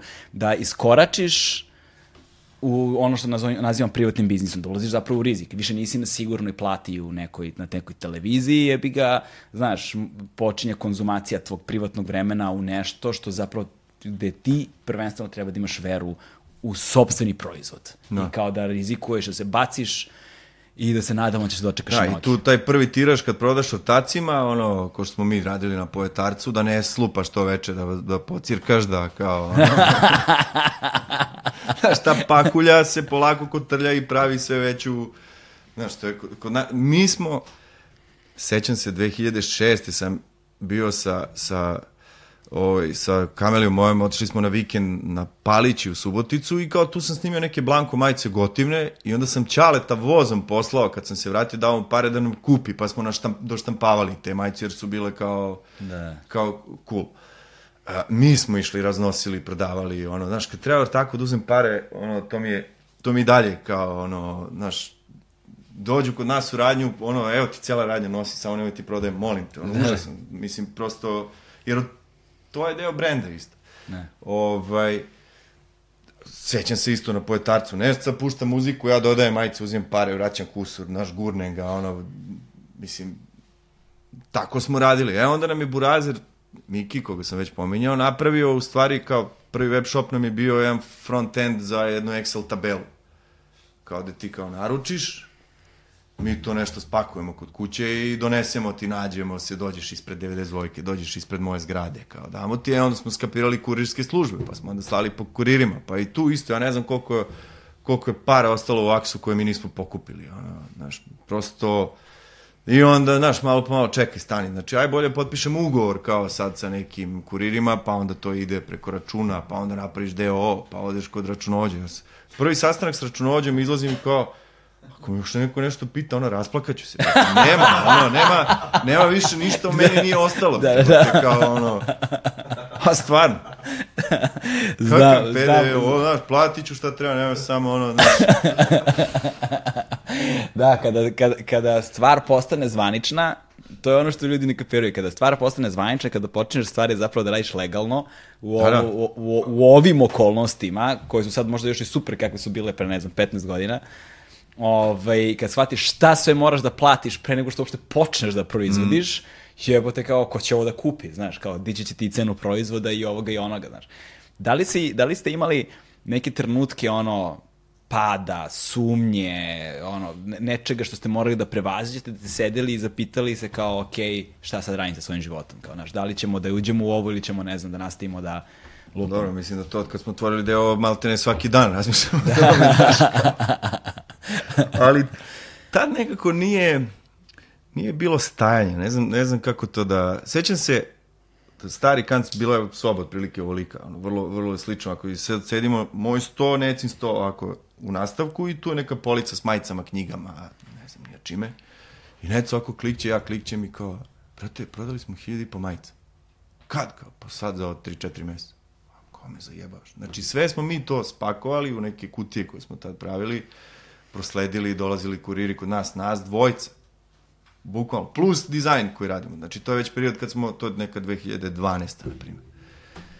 I onda malo po malo čeka kao, znaš, moja drugarica je ostala bez posla, necina žena je došla iz Sarajeva, uh, preselila se ovde, nema posla, onda smo njih dve uključili. Malo po malo se to nekako širilo. Mislim, znaš, ono, angažuješ ljude da ti pomognu, da nešto drugarski, nešto platiš i kao, I vremenom se stvar razvija. pa da. I koliko sad zaposlenih imate u firmi? a?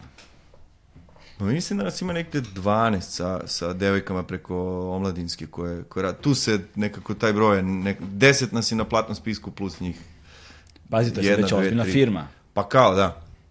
Znaš, I onda pa kad kao. se sve to desilo, bili smo u fazonu, ok, znači, aj sad pusti kao majice i dizajn znači, ako će, od, ako će od ove firme da živi i uredno prima plate desetoro ljudi, ajmo to tako da postavimo.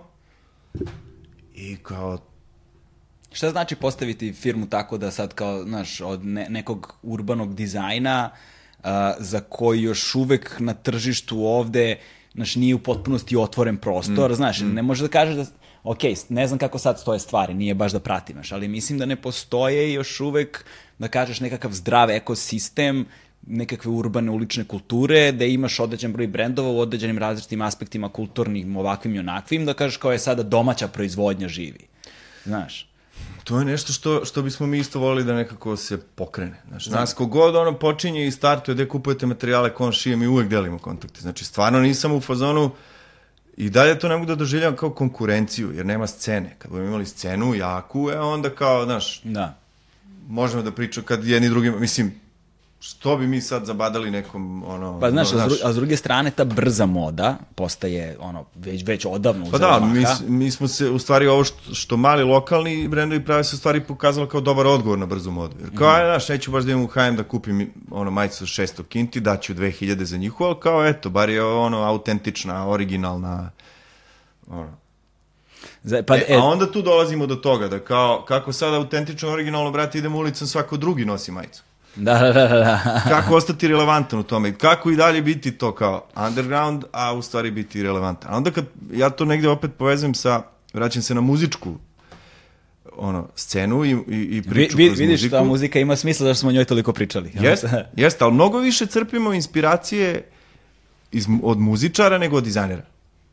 Meni su mnogo dosadni, mislim i jesu, jer su vjerojatno stručni, dosadni to dokumentarci, kao onaj abstract na, na Netflixu, kao nego kad gledaš ono neki band, mislim, i to kao usponi i padovi, jer tu mnogo više tih oscilacija valjda ima, pa ti je to, znaš, da, Srbija, i ovo, pa i Srbija, naše tržište, čini mi se da nikad nije imalo ono, dobru, pravu mainstream scenu, koja je stabilna u stvari, da ti kao imaš, znaš, imaš Čolu koja je velika zvezda, ali kao, znaš, Napolju, Nemaš ti kažeš da Tom Waits nije mainstream, da, da Bob Dylan nije mainstream, da Beastie Boysi nisu mainstream, Justin Timberlake, znaš, postoje jako puno ljudi koji su tu kao dugo prisutni i dalje furaju kvalitet, to kao svi ih slušaju.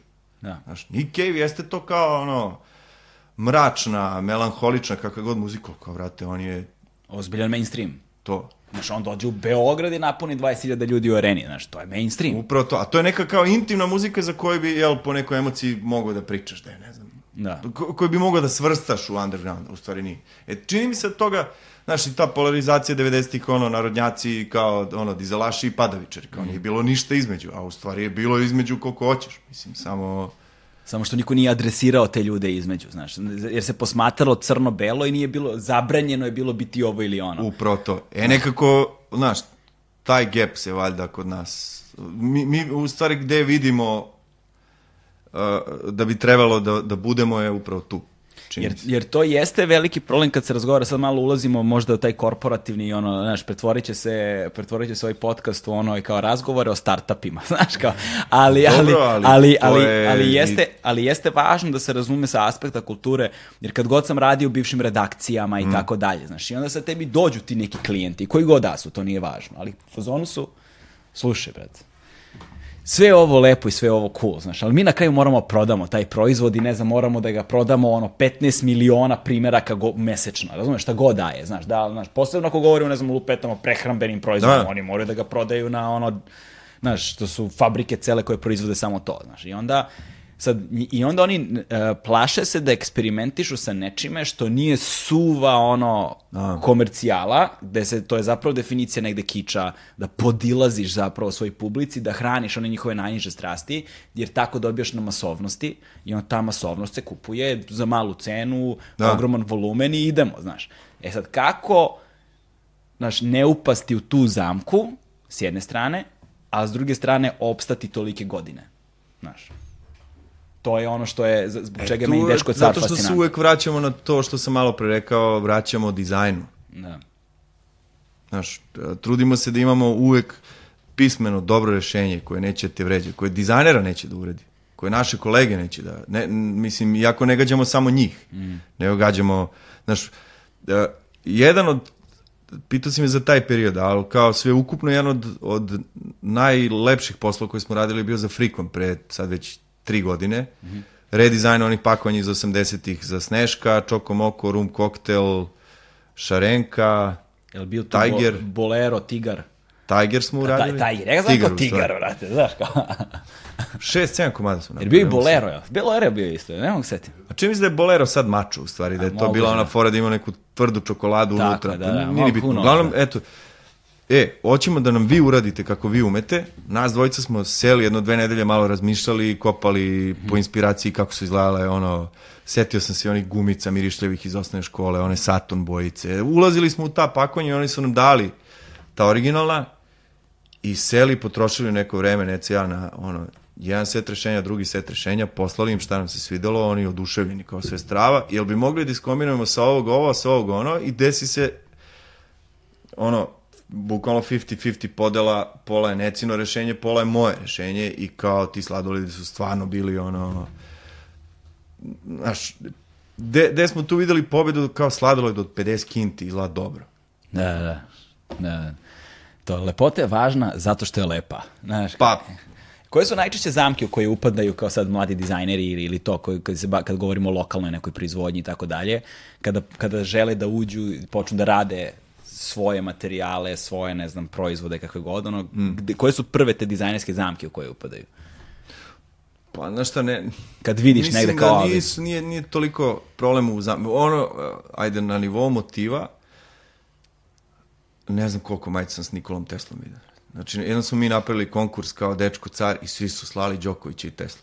Brate, znamo da su njih dvojica carevi, kao, znaš, da. ono, kao, daj nešto što nije baš na keca. Da, da. Daj nešto malo, malo drugačije. Ajde, to, ali e, isto je jako, jako je veliki da kažem problem, nas niko nije, ni, nigde te niko ne učio preduzetništvu. Kod nas su svi preduzetnici neki ono kao istripovani rođeni talenti. Ne, ne istripovani, da. nego kao ja to osjećam. I, uh, danas, naš, osim kao dizajner i poslodavac i ono, naš, ja sam preduzetnik koji svojom firmom treba ipak nekakvu, ono, nosim neku odgovornost da ti zaposleni imaju normalne uslove, da se kao normalno ponašamo prema njima, da nisam tu, ono, neki zapovednik, što bi možda i trebalo da budem, jer kao ja sam direktor, usmerivač, da prevedemo tu ono, reč. Mislim da je tu, znaš, kao sad ćemo mi, pa koliko, koliko, predoz, koliko tih priča, znaš, brate, sad ću ja da otvorim da pozatvaramo sve drugi. Šta ćeš da pozatvaraš kao, brate? Mislim, znaš, to, to ono, jedni gazimo preko drugih, zajebi to. Mm. To je nekako, znaš, polako i uporno. I ono, talenat i rad nekako moraju da dođu, ono, taj, taj, taj ono, skup osobina koji mora da nosi nekakav kvalitet sa sobom je, ono, to mora se desiti. Sad, kako to neko da prepozna, ne mogu da mu savjetujem. Tu je ono i stvari obrazovanja i kućnog vaspitanja i ličnih ono afiniteta i tako dalje. Mislim, znaš, nama, nama je Čale bio knjigovezac u vojsci, Keja je bila ono upravnik u apoteci. Deci. Da. Znaš, idemo na letovanje, Čale ima kasetu Harisa Džinovića, Keva Hari Matahari. Kako sam ja završio Stripe Cold Quest, ne znam, ali kao stric se ložio, stric je kupo hi-fi, znam da sam kod strica prvi put vidio CD bio u fazonu, ne udiraš tu kao donju stranu, znaš. ne dire dole, ja se sećam, meni je pozdrav za Zeku s Voždovca, meni je Zeka koji je bio funk DJ svoje vremeno u klubu Cepelin, to je danas Taš, je li tako? Ovaj, sećam se u kraju, on je meni poklonio, on je zapravo, prvo sam tad video CD ploče. CD, znači kao ploča, samo je zapravo CD ogromno ovako. To ni ne znam da je postao. Da, da, da, to je bio jedan kratak vremenski period, nešto ono, početak 90-ih, pre nego što je CD bio masovno, kao bile su CD ploče. I onda je on, on je to, naravno, on je bio, znaš te frikove što imaju uvek sve od opreme, na, znaš, i onda je on jedan dan meni, on je držao klub za video igrice, one buvare. Mm. I onda smo išli tamo igramo Nintendo, Segu i to.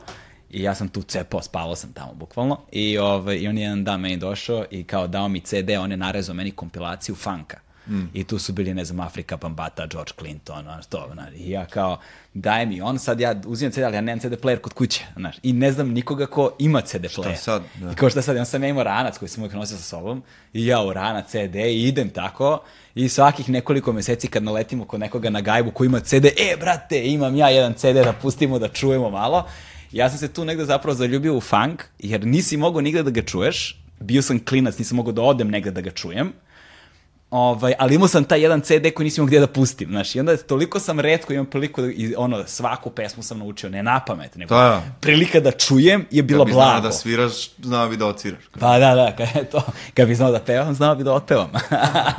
ali pošto ne znam ni jedno ni drugo, jebi ga, da. Ovaj, sad, uh, koje, koji, koji su neki projekti koje ste vi kao dečko, ono, vas dvojica radili, koji nisu u vezi sa vašim brendom direktnom Dečko Carom, znaš, ili s 92-kom, mm. kao što je recimo taj Frikom, koji su ono bili, koji, koji su vama važni u portfolio, za koje možda ljudi ne znaju da ste ih vi radili, ono. No, nemam pojma. No, to je ono, svaki put kad me pitaju kao, šta radite sad, ja kao, brate, ne znam. A znam da nemam vremena glavu da dignem. Da, da, da. I onda kao krene to nabrajanje. Ne znam, znaš, pada mi na pamet, zato što ga najviše sad viđam. Recimo logo za Big shopping centre smo mm -hmm. mi radili negde 2008. 9. kad su oni dolazili vjerojatno s nekim biznis planom i to i Sonja Laurenčić iz Ideje Plus mm. me je zvala da ono da učestvujem. A kako sam se upoznao s njom? Tako što sam u zapletu puštao muziku. znaš, i sad kao, znaš, tvoj izbor muzike i tvoj izbor fontova negde su ima to veze jedno s drugim, mislim, ne, ne znam, znaš, ne, da. ne znam kako to drugačije da, da opišem.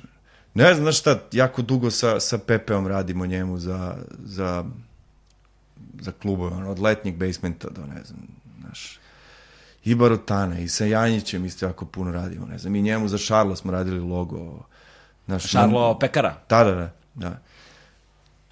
Mandarina, ono, ženina, isto to, isto kao jedan prepoznat brend u, u, u gradu, Um, radimo za jednu kozmetiku već 10 godina prima kozmetika. Mislim, ne znam, znaš kao, on nije ni reklama, ovo je samo nabranje. Pizza bar smo mi radili. Da, da. To isto traje već dugo. Uh, jo, znaš, sad kad kreneš da nabrajaš, onda će se uredi neko koga preskočiš. Da, ili, da, da, da. ili Što bi se neko uvredio? Znaš, da puno si... filmova smo radili u posljednje vreme. To je, to, to, to je recimo nešto zašto smo se specializovali. Baš zato što je Neca iz te animacije kao, pa kao treba i špica. Recimo Urki s kojim delimo prostor, koga znamo sa 92. je filmski montažer. I eto, Marko Glušac kad je umro, otvorio se prostor ono, otvorila se prazna soba, bukvalno da je kao neko možda uđe Urke bio u fazonu Beca i ja, naš, još jedan drugar, smo u fazonu da hoćemo da to vi budete. I onda smo mi tu počeli sa svojim ofisom. I onda preko Urketa je to krenulo, ono, radimo za filmove. Znaš, evo sad smo radili špicu za ovu seriju Močvara koja je krenula na RTS-u. Uh, Južni vetar i serija i ovaj, kako se zove, i, i film, i prvi i drugi deo. Uh, sa Kiletom smo radili realnu priču, to je super film, mislim, ja. Koji se desio prošle godine. Ne znam, ono, baš puno toga. Neca radi za Filmski centar Srbije, a radimo i za kinoteku, recimo, stalnu, izlu, stalnu postavku smo radili sa Vesnom Morović i, i, i Ivanom Mangovom. U stvari, kinoteka nam je i stalni klijent da im radimo te neke mesečne programe i, i mhm. te neke servisne informacije koje treba da se dizajniraju, a radili smo i tu stalnu postavku kao grafičku opremu izložbe. Uf. E sad, znaš, da, hajde da pričamo malo... Za Butch Cassidy smo radili majice sad. Ono. E, stvarno. Da, da, da carski. Dopisujem se nešto sa Nikolom koji ih menadžera. I ja ću sad da ga zovem kad završimo.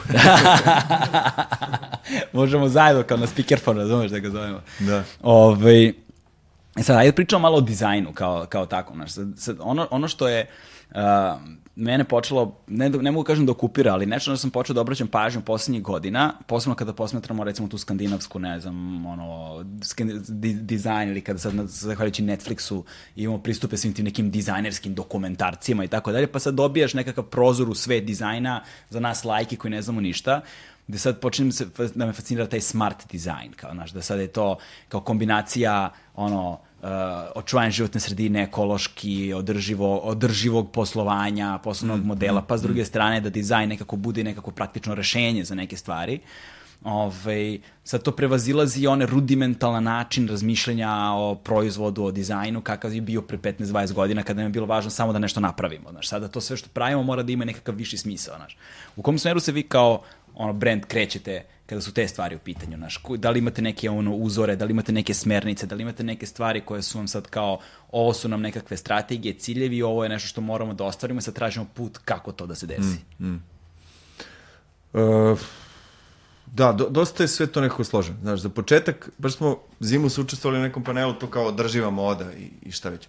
Mi smo uh, kao brand i kao proizvođač i dalje nedovoljno konkurentno veliki ono, velikim dobavljačima. Išli smo u Tursku, recimo, po fabrikama, bili smo tamo negde u centralnoj turskoj fabrici koja radi pantalone za Zaru i Lacoste.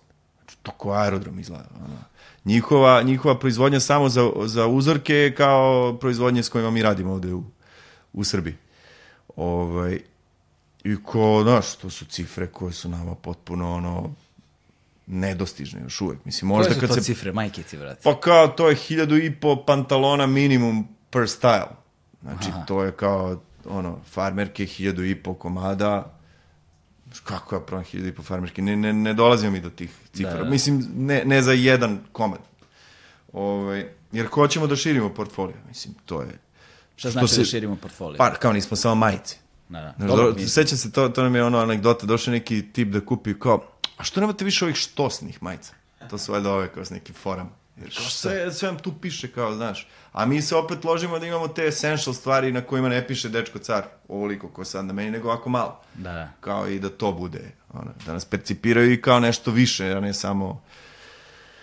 Ove, tako da, mm, znaš, sve to dok dođe do nas je već toliko neodrživo da kao... znaš, prosto moramo kupimo velike količine, recimo, majica od pamuka od bambusa ili ne znam, to jest ne možeš kažeš pamuk od bambusa, tekstila od koje je, ono, nije od pamuka nego od, od bambusa. Uh, Znaš, a opet s druge strane, gde vidimo svoju odgovornost, pa da li to ekološka, smart, ovako onako je to što radimo u Srbiji, što se ono što, što se trudimo da imamo što manje zaostatke u plaćanju dobavljačima, znači nema ako ono uđeš u lanac i onda kao 90 dana rok plaćanja, kao brate. Da, da, da. Znaš, sa korporacijama koji ima ono milionske, milijardske obrte ti kao sad mali tu, ono, ne znam šta ćeš. Tako da, taj pošten odnos prema zaposlenima, prema dobavljačima, to je negde gde mi za sad kao ovoliki možemo da pričamo o nekoj održivosti, smart dizajnu, podršci i kao nekoj svoje odgovornosti. Jer smart u stvari znači jel, da vučeš neku odgovornost sa sobom. To, to bar tako doživljam. Mislim, znaš, to je ono ko kad odeš u Ikeu, meni je Ikea fascinacija na nivou toga da kao koliki je ono sistem. U svakom smislu, da li kupao preko sajta, išao, tražio preko sajta ili išao kod njih u radnju, pa kako prolaziš, pa de šta, pa kako ti nude ono da potrošiš još 100 kinti, 500 kinti na glupost, ali kao dođeš i svaki mental zna da složi, ono, imaš tačan broj tiplova, šafova, kao, to ne znam. Znaš, to je, da, to je, mislim, ono, primer glomaznog, ozbiljnog sistema u kojem je Pa da. svaka sitnica dizajnirana bukvalno do besmisla, je Da, e, sad kako to rade, ne znam, H&M i zarade, kao ono ideš velikim gradovima i u svi, svim high streetovima gde su najskuplji kvadrati, oni, brate, prodaju stvari koje su po našoj nabavnoj ceni. Mislim, znaš, to je ono što mi uopšte volo bi, to što ti kažeš kao tražio si majice, treba da vidiš naš šit za svaku majicu, koliko čega, kako, gde, šta stoji, znači to je ono ozbiljna, za ovu majicu to je na tabela od ono, ne znam, 20 redova, kao, mm -hmm. gde, šta, kako, duksevi tek, mislim, kapuljača, ziper, ovamo, na. I kao, brate, samo kad bi video jedan taj shit, ono H&M-a koje oni pošalju ovaj, proizvođaču, a ono što me tek zanima je kao svaki taj artikal, ono, tiraž.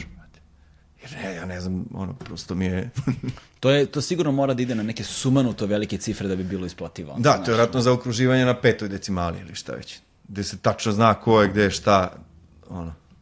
Ko ti je od brendova onda kad govorimo, sad kad, sad kad smo već počeli da pominjamo te velike međunarodne brendove, ovo ono, ali kao koji su ti neki brendovi a, ne mogu da kažem na koje svi ugledate, znaš, ali koji su tebi lično gotivni, znaš, koje pratimo ono godinama unazad, znaš, koji su uspeli s jedne strane, i o tome smo malo pričali prošli put kad smo se videli, s, s jedne strane um, su i dalje respekt u undergroundu, ali su suvi mainstream i svaka budala ih nosi, znaš, kao što je recimo Vans, na primer, kao što je, ne znam, Carhartt ili tako neki brendovi koji su ono, jebote, nekako su uspeli da budu jedno i drugo i samim tim postoje kao Da. ono nekakvi nosioci uh, ono brendova već decenijama unazad. Pa, da, eto, baš to Vans, baš sam skoro razmišljao o tome. Gledao sam neki intervju sa Farelom koji je u fazonu kao, pa dobro, kao koja ti je omiljena patika? Pa kao Vans. Iako je on ono, endorser ili šta već za Adidas na nekom sumanutom nivou, Da. to kao kupiš Farel patike, malo se jeftinije od Yeezy, kao, mislim, znaš. Da, da, da, da. Ovaj, I onda on najotvorenije kaže kao Vans, brate, jer je to tak klasičan, klasičan neki format. Nama je sigurno Carhartt, jer sećam se i neke, ono, kad sam ko klinac radio nekakav popis stanovništva ono, u opštini Novi Beograd i kao zaradio sam neku kintu, tad je Madness bio u skrcu isto.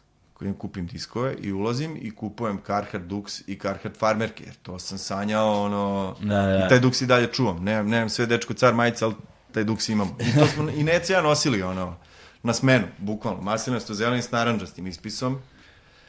Ovaj, Carhartt definitivno, lično sam se dosta orijentisao na ove neke aktivne stvari, jer gledam da sam ono, skijanju sam se vratio sad posljednjih par godina i klinci kad su porasli, nekako smo ušli i užasno me sve te aktivne, ono, i Goretex i Merino Vuna i ostale, ono, gluposti, tu ima brenda koliko hoćeš. Mislim, i to je možda sad negde, gledao sam da je Arcteryx sarađivo sa stao s Louis Vuittonom ili s Vetemens, Da, nešto da. su napravili, sad čoj Bože, mislim, nisam sklon uh, lakom prihvatanju tih trendova, vrlo sam konzervativan po tom pitanju, znači sve to što se dešava, ono, da je naopako, ono, ja doživljam kao carevo novo delo, znaš, kao, off-white maska sad kao 70 evra, ma daj, brate, kao, znaš, ali to je vjerojatno za ekipu koja, koja mora da, da piše tu da je dao 70 evra za to. Da. Znaš, to, Kako- to nije, dečko, te vrednosti mi ne gajimo, prosto ni lično, ni ne bi volao ni u, ni u svoj brend, ono. A kako fenomenološki, recimo, posmetraš baš eto taj trend, recimo tog off-white-a, Suprema i tako dalje, svega ovoga što je sada, zna- znaš, kao ono, talas jedan među tom nekom Gen Z generacijom, nazovimo prvenstveno, ovaj, gde imaš te basnoslovne sume novca za nekakve totalno casual stvari, što bi rekao uh, jedan prijatelj, kaže, naj, najudobnije se osjećam u običnoj beloj majici od 100 eura. Znaš, kao, kako, kako, kako kulturološki e. objašnjavaš taj fenomen i kao, sigurno ga posmatraš sa strane i u Naravno. si... Naravno, izlazio mi, je, izlazio mi je recimo sajt, jedno vreme me gađao na Instagramu, kao pravimo ti savršenu majicu, ukucaš nam koliki si, šta si, koliko imaš godina, 70 evra sam je platio i sad spavam u njoj. Da. Zato što apsolutno nema nikakve bitne razlike između nje i ove koje mi proizvodimo ono, i u železniku i u, u Ivanjici. Apsolutno nikakve razlike nema. Da. Ono, mislim, jeste bolji pamuk, ali nije 70 evra. Sećam se, sa ženom sam bio u Njurku i kao neka ono patikarnica, a, sneaker store, Da. ja zovem patikarnici kao, kaj Supreme i, i Louis Vuitton. Kao, znači, samo na onom paternu imaš kao Louis Vuitton, soma i po dolara. Kao, daj, brate, mislim, mislim da je to samo stvar toga, znaš, koliko su sportisti plaćeni Da. koliko su koliko oni sumanuto zarađuju, čime se oni ono šepure. Znaš, imaš to Virgil, Virgil Eblova koji je sad kao ono najpoznatiji dizajner trenutno u svetu već poslednjih koliko godina. Ima to veze s tim Black Lives Matter, ja mislim, znaš. Da. I to je negdje, to je ta kultura, ono, mi smo, mislim da i ova, ova sredina isto vrlo bliska tome da jako dugo nemaš i onda odjednom imaš puno i onda kao, brate, gle sad. Da, to je to, znaš, kako kaže, kad sirotinja zaradi pare, pa ne zna na što da potroši šta mu pre treba, znaš, to je, Pa, znaš, i onda znaš. ti bude samo frka, jebi ga, znaš, da ćeš da potrošiš taj novac dok ne smisliš zašta ti je i kao, znaš, i onda ti te lova više stres nego sreća jedna. Pa da, mislim da je to opet stvar kulture, znaš, koliko god ti imao, znaš, tu je negde i ono kako ti trošiš. da, Baš sam skoro čitao nekakav, ono, članak na temu toga kako Elon Musk došao sad u Berlin da priča o tome kako otvara svoju fabriku automobila, gde su oni u fazonu, brate, znaš, kako sad ti, znaš, došli jedno krajnje konzervativno društvo koje počiva na ono jedno te isto da. ono, vekovima, godinama i kao, znaš, najjači su u industriji i svemu i sad si ti došao nama ovde da prodaješ priču, proda- da praviš kola, kao, brate, čekaj malo, stani malo. Došli ja sam ne- više u tom fazonu nego to, kao, sad smo mi super starovi, odjednom smo, kao, E sad, vidiš, to je fascinantno, to, si, to smo pominjali negde na početku razgovora, a sad si ti pomenuo ponovo, ovaj, i sad, znam da ne postoji prava receptura, znaš, govoriti sad o načinu na koji se kulturološki nešto spaja ili nekakvim umetničkim, razumeš, postupcima, je malo nezahvalno, ali hajde da probamo nekako da uđemo u suštinu onoga što mislim da je strašno važno. A, posebno za mainstream kod nas, a, posebno za mainstream muziku takođe, to je sad recimo vrlo važno za njih. Te rekao si, spajanje tog globalnog mainstreama, dakle, spajanje tih nekakvih kulturnih tačaka, identiteta koje su ono main, internacionalne i svođenje njih na lokalni manir. Znači, mm -hmm. svođenje njih tako da bude lokalno relevantno. Znaš, kako uzme, ne znam, kao što sad recimo muzičari, ono, trep je masovni, ono, pa onda sad uzmu treperi i sad ga sa lokalnim motivima, na sr tekstovima na srpskom jeziku, sa, znaš, ne znam, trilerima na vokalima da zvuči Da, narodnjak, da. znaš, opet dobijaju nekakav proizvod koji ovde održava nekakav nivo kvaliteta, ali jeste mainstream de facto kao vid očigledno je da je to sad preuzelo tržište, preplavilo ga na mnogo načina, znaš. Na mnogo nivoa. S tim da tu naravno dijaspora igra veliku ulogu, ali to je posebna priča. Jasno. Ovaj, kako sad u, u svetu dizajna, na primjer, to izgleda kada je Srbija u pitanju? Znaš, kako izgleda a, vaše prevođenje i gde su vam opasnosti? Znaš, kao, da, li ste, da, da li vam se nekada desilo, ok, ovo je nama cool, ali onda bude previše zatvoreno? Da, od, sigurno, mislim, znaš, mi napravimo, dizajniramo kolekciju i onda imamo svoje neke favorite i budemo u fazonu, ovo će bude strava, to se ne prodaje, a ide nešto što nam nije baš bilo kao, ono, u planu ili ga nismo videli kao potencijalni hit, da tako kažem. Šta vas je recimo iznenadilo prijatno od, od, od artikala, šta vas je, šta, šta vas je ono neočekivano malo se prodalo, znaš? O, ne znam. No, evo, na primjer, Koji vam je najprodavaniji artikal? Svaki brend ima svoj najprodavaniji artikal. ova majica s pobednikom. Da. Da, pobednik, definitivno. To, to, to, taj amfas koji smo radili, čak smo ga i viđali na jako puno nekih rešenja koje su, koje su loše reinterpretirala, to jest, da, loše im, interpretirala Da, to što smo mi radili. Bilo je za ne, ono, ista ilustracija, neko je maznova i bio neki turnir za boks, gde su samo stavili ovako kao pobednik u dve, dve bokserske rukavice. I kao, znaš, to valjda kad uđeš u bootleg scenu je ono negde dokaz toga koliko si, koliko si porastao. Čini mi se. Pa nismo se bavili time sad kao ono, ovaj, da nekog tužimo ili ne znam, baš, bez veze. Ali onda napravimo recimo šorceve koji su strava i nekako idu mnogo sporije. Znaš, tu polo majice, na primjer, ne znam uopšte nismo izvali zašto se nisu toliko prodavale, ali uporno ih radimo i verujemo da će da ono... Da, da. Treba biti uporan. Znaš, mislim. sa polo majicama je možda malo drugačija stvar, zato što one već po sebi mislim da vuku malo konzervativniju publiku, koja Jeste, je i- ono verna određenim brendovima. I nemaš prostor za štos. Da, da, da, nemaš, To je, znaš. to je kao... Ne praviš štosne majice. Da, da, da. da, znaš, ta ekipa koja kupuje polo, naš, uzmu, ne znam, od Fred Perija, ne znam, Pa da, Lacoste, i kao, jest. ako imaju lovu, kupe to, ako nemaju lovu, ne kupuju ništa. Pa da, da. Znači, sad kako- Ili u Springfieldu, ono, šest za tri soma dinđe. Znači, kao, da, i sad kako, kako, kako ulaziš na to tržište, znaš, kako se tu Pa valjda polako i ono, uporno. Jel imate neke planove što se tiče barem tržišta sa tog aspekta, kao, e, volili bismo da uđemo na ovo tržište, ali je mnogo zajebano. Pa veliko je streetwear tržište. Znaš, ko, kao što smo mi o, o nešto u Beogradu, tako sigurno neko ima i u Kelnu, i u Beču, i u Bristolu, i u Londonu. Samo su mnogo veći. Ono što sam čitao i što znam da se dešava s to većim brendovima je da ti ulećeš u nekakva partnerstva, imaš neke investitore, fondove i ono, ulećeš dalje. Mislim, ti kad odeš recimo po inostranstvu, po tržnim centrima, po outletima, tu su sve isti brendovi koji su i ovde. I ja verujem da, mislim, to više nisu samo modne kompanije, to su ono kom, korporacije koje se bave nekretninama, očigledno. Da. Ne, ne znam mnogo o tome, nisam čitao, možda, možda mi, će mi se neko smejati kao što ovaj lupeta, ali činjenica da je, da je to tako. Svaki tržni centar ima isti, ono, 90% isti spisak stvari i ovde i u Filahu. Mislim, Da, ali vidiš, ali to se nije desilo samo sa modnom industrijom, to se desilo manje više sa bilo kakvom industrijom kulture. Ono, sad, nekada je bilo, recimo, muzički festivali. Znaš, Mm. ranije je bilo, odeš na Siget, odeš na, ne znam, Roskilde, odeš na Pop, odeš na ovaj, na onaj, i svaki festival potpuno drugačiji line-up i ono, moraš posebno se spremaš za svaki od njih. Sada, manje više ti je na svim evropskim festivalima i svetskim, kao manje više isti line-up. pa da, ti imaš agenciju koja ima svoj ono, rooster kao izvođače, ja ti biraj, ono, zaokruži koliko imaš kinte, Samo zaokružuješ za, Pa da. odnosno, u odnosu e, pare. I, I onda tu imaš kao DJ-eve koji zarađuju sumano te ono, cifre. Mi smo jedno vreme čak radili nekakav ono, booking, Neca se bavio, dovodio dubstep DJ-eve, ono, Alex Barka smo bukirali 2006. iz Jazzanove, Ne. Znaš, radili smo i pre Giles Petersona, bavili smo se i time, mislim. Tako da, samo iz razloga što smo hteli da nekako, i to je bio, Viš, i to je negde boostovalo naš brend. Te, te vrednosti koje smo kroz ovo i ono što smo radili u stvari objedinjavali u, u jedno. Ove, Da, bili ste prisutni na više tih frontova kul, Jest. kul, kulture, ali znaš šta mi, e, sad kad se već pomenuo šta mi je fascinantno, pomenu si Jalesa Petersona, mislim da je sa Jalesom Petersonom to otprilike krenulo. Sad, Mm. 92. kad je njega furala i to, kad je ono, bi- bilo nešto Serbia Sounds Global, ili šta su Mm, bile te neke kompilacije. A, mi nismo ali nije to sad slučaj samo sa nama, ali mislim da je sa mnogim brendom, sa mnogim zemljama zapravo u svetu ista stvar. Ne, Da nekako sami bežimo od sopstvenog identiteta i onoga što je ovde lokalno i čekamo da neko drugi to prepozna Da. da bismo onda mi prihvatili. Isto, u mojoj, komunik, u mojoj komunikaciji sa gro, gro nekih redakcija i ljudi koji sam komunicirao, bio fazonu, ne, nemoj da pokušavaš da budeš kao naš nekakav Mm, Amer ili ovaj ili onaj, nemoj, brate, da pokušaš, znaš, ne treba mi tekst, ne znam, o Kanye Westu.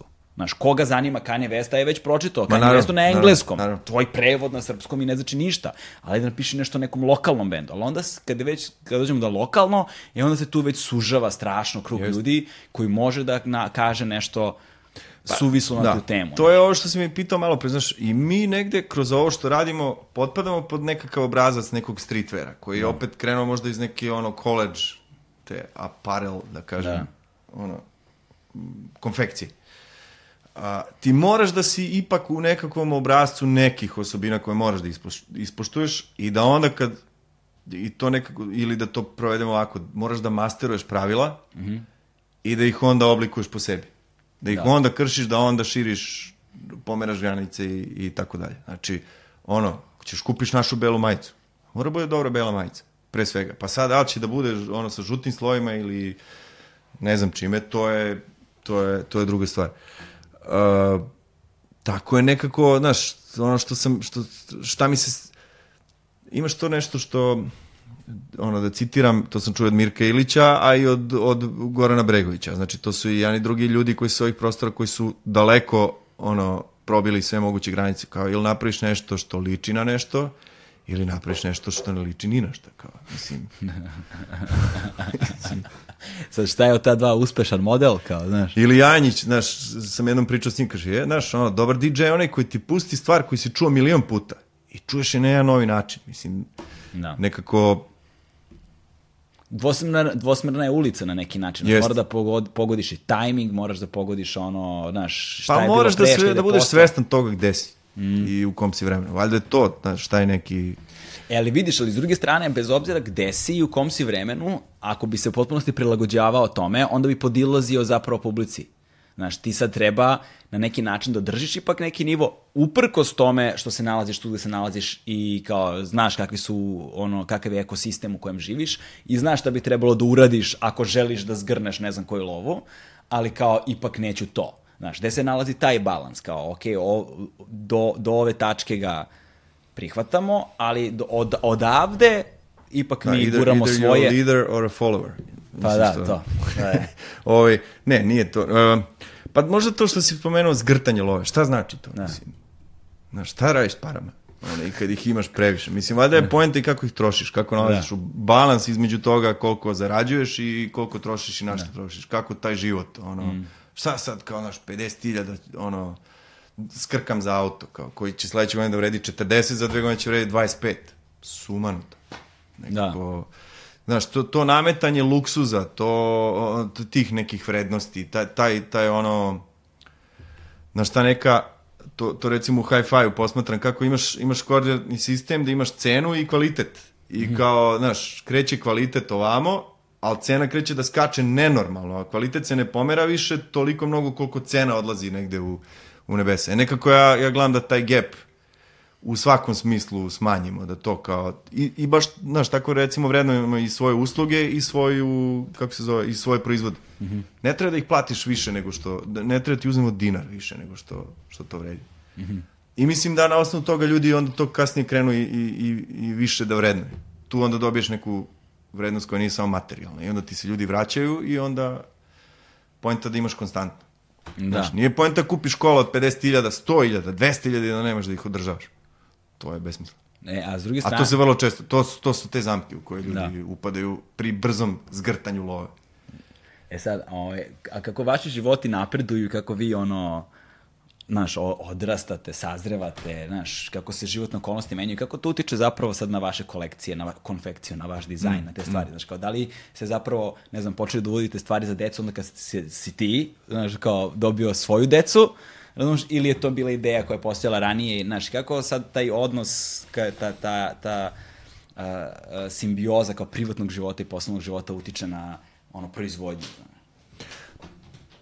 Da, to širi, u stvari to širenje portfolio o kojem smo pričali. Pa uvek se neko dešavalo po nekim ličnim afinitetima. o, mnogo smo manje kalkulisali nego što smo, što smo to nekako, što možda nije dobro, to, ali opet kod nas se nije pokazalo kao pogrešno u, u kako se zove, u poslovanju, znaš. Imao sam Carhartt novčanik koji mi se raspao jako brzo. Sam bio u vidi ga, znaš, kao, znam da kupiš Carhartt i to traje, meni ovaj se raspao posle tri meseca.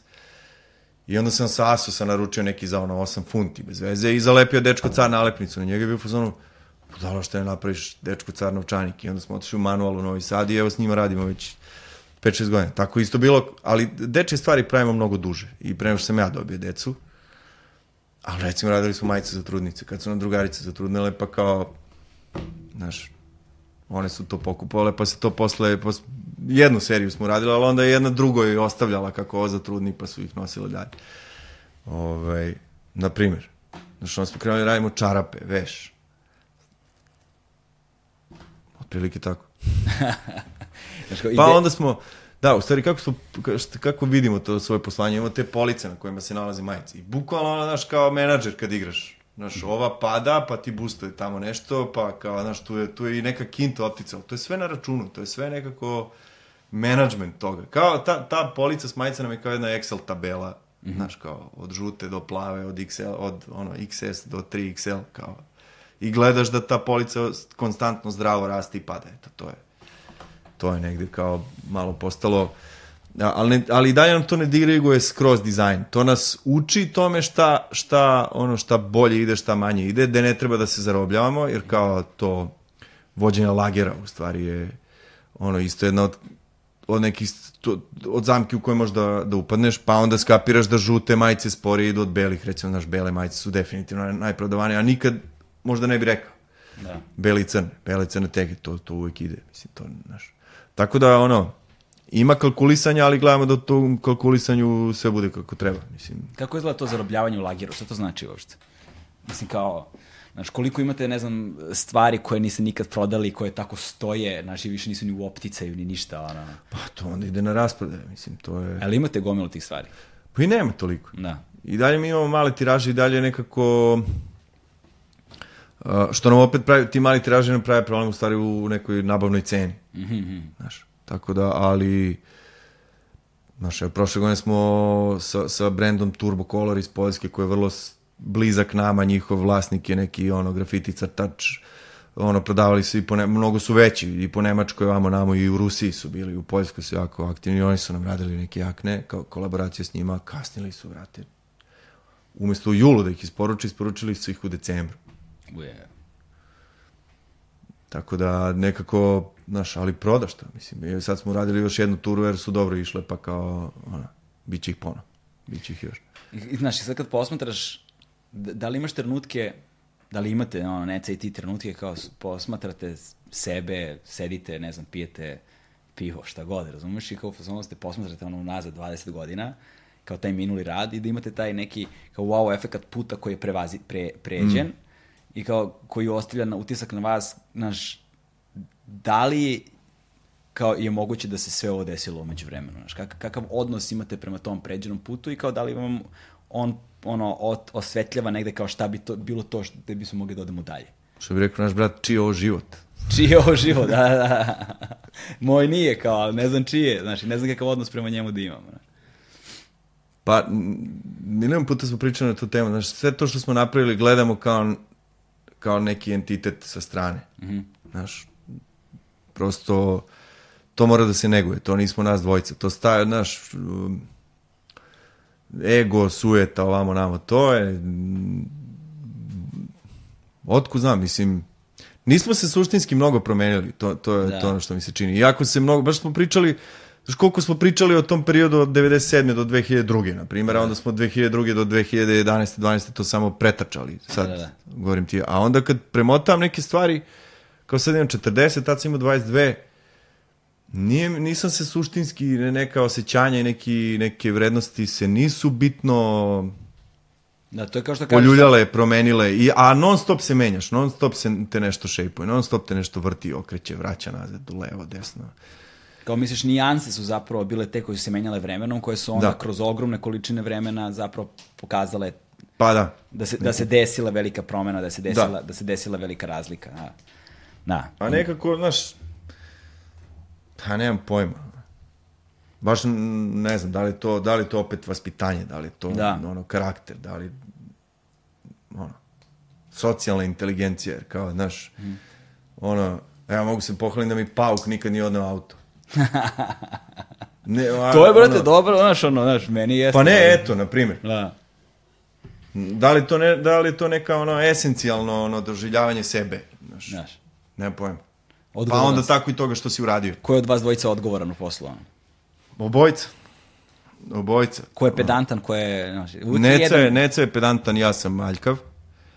Ali opet ja sam stariji pa sam uvijek nekako morao da idem da krčim put. A onda Neca samo kao ajde, znaš. A s druge strane, on recimo, sa, sad nas je posao tako podelio da sam ja više tu neki direktor, menadžer, PR, šta već, a on više sedi crta. I onda sad je ono nivo kreative koji se deliveruje više na necinoj strani, a moj je deo, što ne znači da se on zbog toga nije ovde pojavio, nego ono, stvarno je splet okolnosti bio takav da, da nije mogao. Ali opet, da je drugačije podala, vjerojatno bi on našao način da dođe, a... E, koji su lokalni brendovi, neki koji se sad pojavljuju, ovaj, a koji su ti, kao, a koji su ti gotivni i u fazonu si kao, evo, to ovi ljudi znaju šta rade, imaju dobar dizajn, znaš, kao koji bi Mm. možda preporučio, koji bi možda lično ti nosio? Znaš, jer, jer sada je to tržište mnogo veće nego što je bilo ranije. Jeste. Znaš, imam utisak da malo, malo, pa, znaš, posebno na Instagramu kad vidim svako malo neko ima neki svoj brend. Jeste, ima ih, ima ih jako puno. E, ne znam, Over iz Novog Sada, ovaj, e, oni isto, znaš, i njima je to negde side projekat jer se bave to kao web dizajnom, razvojem aplikacije Da, da. i šta već. Ali Marko Purać je ono fantastičan crtač i dizajner i ono, nekako su i oni pokrenuli to svoje. Znaš, Vani sa Zla Zla je isto jako dugo tu. Uh, ne znam, Guga Gina sa ovim dečim stvarima. Sad se isto pojavilo malo, ovaj, isto neki brend uh, koji je pokrenula devojka koja radi kozmetik, ono, liniju kozmetike, a dizajnirala je sve naša drugarica, ono, Aleksandra Perović, Štroksi. Uf.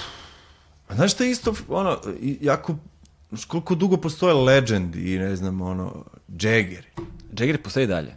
Ja ne znam. Pa ne u, nekom, u nekoj minimalnoj formi. Oni su recimo, baš sam pričao sa, sa devojkom, oni su upali, sad to je priča koju sam koju mi ona ispričala, da li tačno ne znam, ali oni su upali u tu zamku da su ušli u tržne centre i kao po, ono, odjednom skočili s nekim ono, tiražima i kao i nisu mogli to da izdrže. Vjerojatno ih je taj lager progutao. Da, da, da. Znaš, nama su isto nudili kao u tržni centar da uđemo u jedan, pa kao, ali da potpišete ovaj drugi što otvaramo za dve godine da uđete i tamo da, uđe- da uzmete još veći lokal. Kad smo stavili na papir, kao, ma beži bre. Znaš, ne, ne, ne možemo mi to da podnesemo. Nije, to, to, nije, to, to nije liga u kojoj mi igramo. Da, a koliko dobro poznate svoju publiku u kontekstu, ono, ok, ovo nije realan broj koji- ovakvih stvari koji može da se proda, kao ali ovo jeste, znaš, znaš, da li se ta publika vremenom povećava? Povećava se. Povećava se, da. Povećava se, ali recimo, ne, ono, ti- tiraž po majici zadržavamo isti, ali uvodimo veći broj printova, na primjer, veći broj, veći broj proizvoda. I onda tokom sezone kako nešto ide mi ga uradimo ponovo ili nešto samo promenimo da bi jer to znaš kao limited edition kod nas to je toliko to je to ne postoji jer nam je skoro sve nam je limited edition i ako ga ponovimo retko ga radimo sem recimo Beograd kolekcije ovih reka koju smo radili.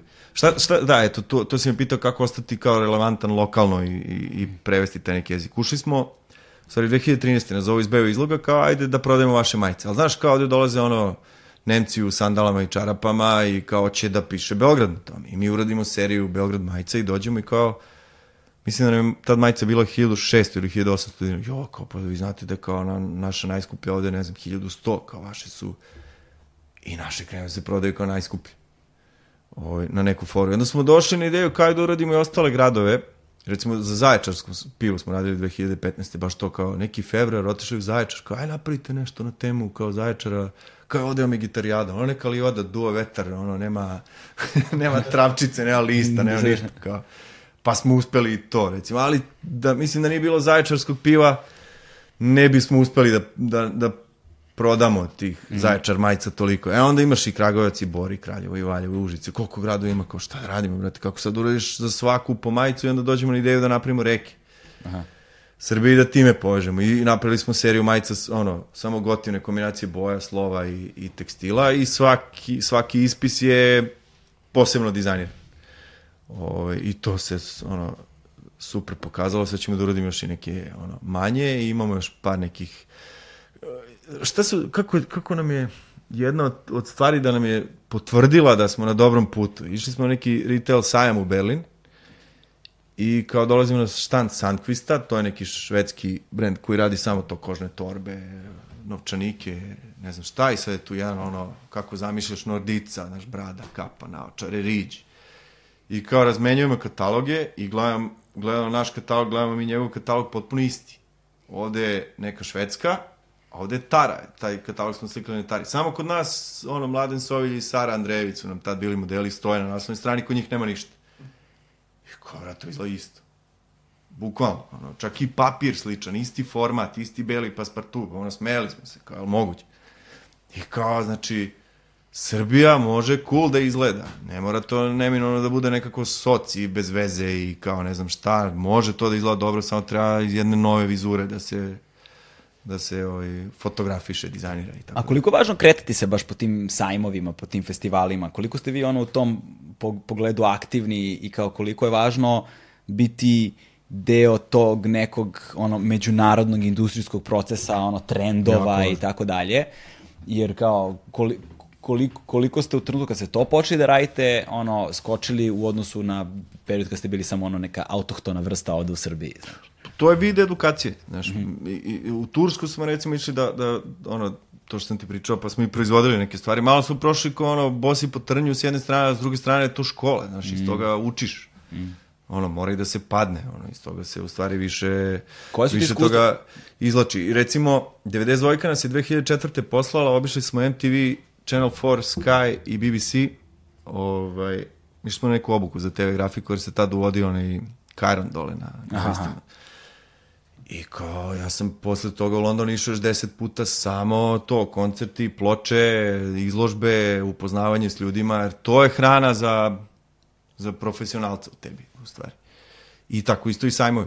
Znaš, ne više na nivou inspiracije kao da vidim šta će, jer kao u januaru prezentuju sledeću zimu hoćeš da vidiš koje su boje, motivi i tako dalje. Jer i to vrlo negde sve, ono, znaš, što mi Bugi pričao, što je, znaš, kada radi za Nike, kaže, pa brate, tamo kreativni direktor je ono, blue collar orta, kaže, nije to neki dizajner, nego to je, brate, Excel tabela i Excel ti izbaci da li će sledeće sezone bude tirkiz ili maslinasto zelena, nema tu kao, da, da. tu artaj. I onda gledaš da malo izvučeš iz toga, ono, kako da naučiš i da posluješ i da, da predviđaš stvari i tako dalje i da ostaneš relevantan. da nađeš balans. Ako, e, da li si imao neko iskustvo u tim međunarodnim sajmovima s kojeg si se vratio i bio u fazonu ovo, brate? Znaš, da li, si imao, da li si imao taj wow efekt nekada koji ti je baš radikalno ili značajno promenio mm. pogled na sobstveni dizajn ili ono, ili poslovni model? Pa eto, taj susret sa Sandquistom i upoznavanje tako nekih brendova za koje nisam znao. Mm -hmm. to, je, to je to otprilike. I to viđenje gde smo mi u stvari. Znaš, da li naš dizajn valja ili ne valja, da li naši proizvodi valja ili ne valjaju, to je to. Da, je, e sad, kako se probiti na to tržište, ne znam. Mm -hmm. U stvari, kako zamišljam je da imam nekog dobrog agenta koji će za to da se bori, kao da je njegov. Mislim, jer mi imamo možda i malo romantizovanu tu, kako bih rekao, vrednost, a to je da smo to nas dvojica, da smo nas dvojica ipak ljudi odavde, ali opet, naš, Carhartt je prezime čoveka koji je osnovao Carhartt u Americi 1800 i 1900 neki. Da. I to je tradicija. Oni su, oni su u Evropu i u streetwear ušli tek 90-ih. Do, do, u Americi su i dalje workwear. Da. Work in progress je evropski. To je ono sa mržnjom Teoj Crnac nosi Carhartt kapuce, ono, oni su, to, to im je, imaš u katalogu njihovom, piše da je to bio kao ono, jedna od glavnih stvari kako su oni ušli na evropsko tržište. Da, i sad ima gomila tih nekih brendova koji su počeli kao radnička odeća, koji su posle mm. ušli kroz kulturu u mainstream, ono, ne znam, od Dikiza, pa ne znam šta je sve tu bilo, u svetu panka toga puno pa ima da, i tako znaš, dalje. Imaš i te priče oko, oko znaš, gangster repa i zatvora i ostalih stvari. Sve to je išlo jedno sa drugim, čini mi se. Da. Nemam pojma. Kakve su mogućnosti, da recimo, eto, kad već govorimo o tome, da neki lokalni brendovi koji su de facto cool i koji da, jako dugo traju, gde vi imate sad i znanje, i iskustvo, i poslovni model, i, znaš, ono, svašta nešto, i bili ste po tim međunarodnim i vratno stvarili tonu kontakata i ko zna šta sve, kao da dečko car sad, znaš, proba da se mrdne van granica Srbije, znaš, da postane na, neki, na nekom nivou, na neki način, naš međunarodni brend. Znaš, da li vi prodajete sad van dijaspore, da li se dečko car prodaje negde? Da li ste im probali da imate recimo tu kolaboraciju, saradnju, kao je sa ne znam, ovim brendom iz Berlina, pa kao da imamo ono zajedničke neke kolekcije ili šta ti ja znam. Sad lupetam, ali nemam pojma. Da, e, štand e, e, britanske firme koja je e, na štandu imala starter i Mitchell Ness. Mm -hmm. kačkete, dresove, college jakni i tako dalje. S njima smo napravili saradnju uh, kod njih pravimo kačkete i kape. Znači, naša kapa se proizvodi u istoj fabrici u kojoj se proizvode Carhartt kape, isto, isto važi i za, za kačkete. Čak ovaj jedan koji ćemo da plasiramo, ja mislim, za narodnu sezonu sam vidio North Face, ima potpuno isti. Znači, došli smo do toga da, recimo, proizvodimo neke stvari u, u, u u tim, uh, na istim mestima kao, kao veliki brendovi. To, to, malo sam se vratio na, uh, na ovo pitanje od malo pre, a to me onda navelo da sam skoro izgubio ovo što si me sad pitao. Da, da, pa ko to kako, da... kako, da, kako mi u stvari da se probijemo na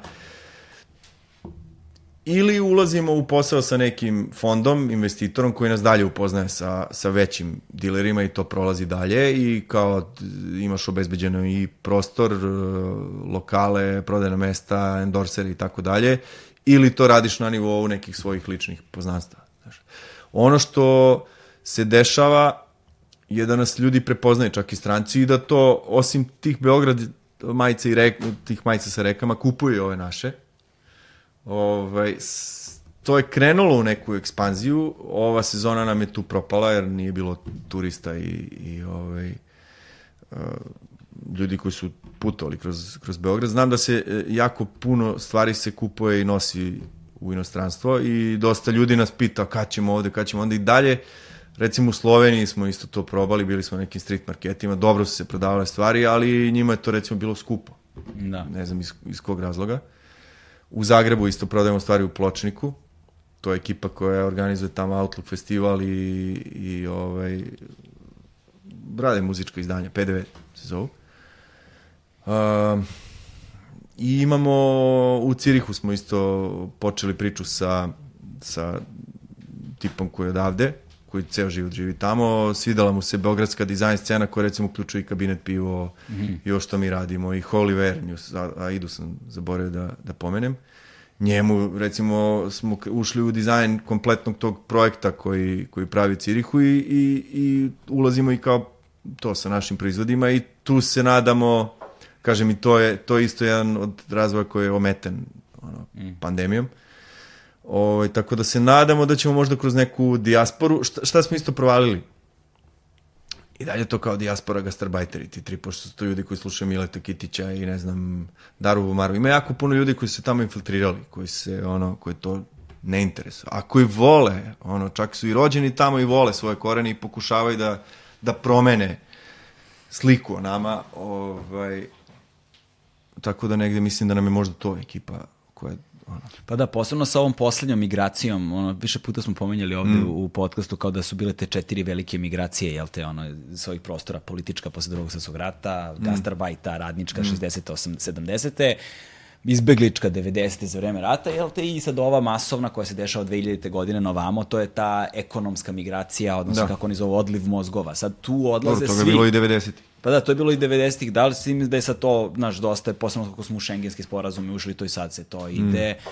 sad, se to, sad se to ide masovno i sad tu imaš već više generacija naših ljudi u dijaspori koji žive naš sad najrazličitije živote, više ne možeš da uperiš prstom i da kažeš ovo ti je tipičan model Srbina iz Nemačke ili ovam, ne, nema, sada je to šareno koliko, da. šareno, koliko šareno i ovde i ti ljudi imaju svoje potrebe i, po, i kulturološke isto, znaš, ja vidim i sad po našem podcastu kojim radimo, ko nas sluša, znaš, javljaju se jako puno mm. iz dijaspore ljudi koji su u fazonu, jo, brate, hvala ti da nije više, ne znam, ovo, da imam nešto što nije sadržaj koji se svuda zapravo konzumira stalno. Da.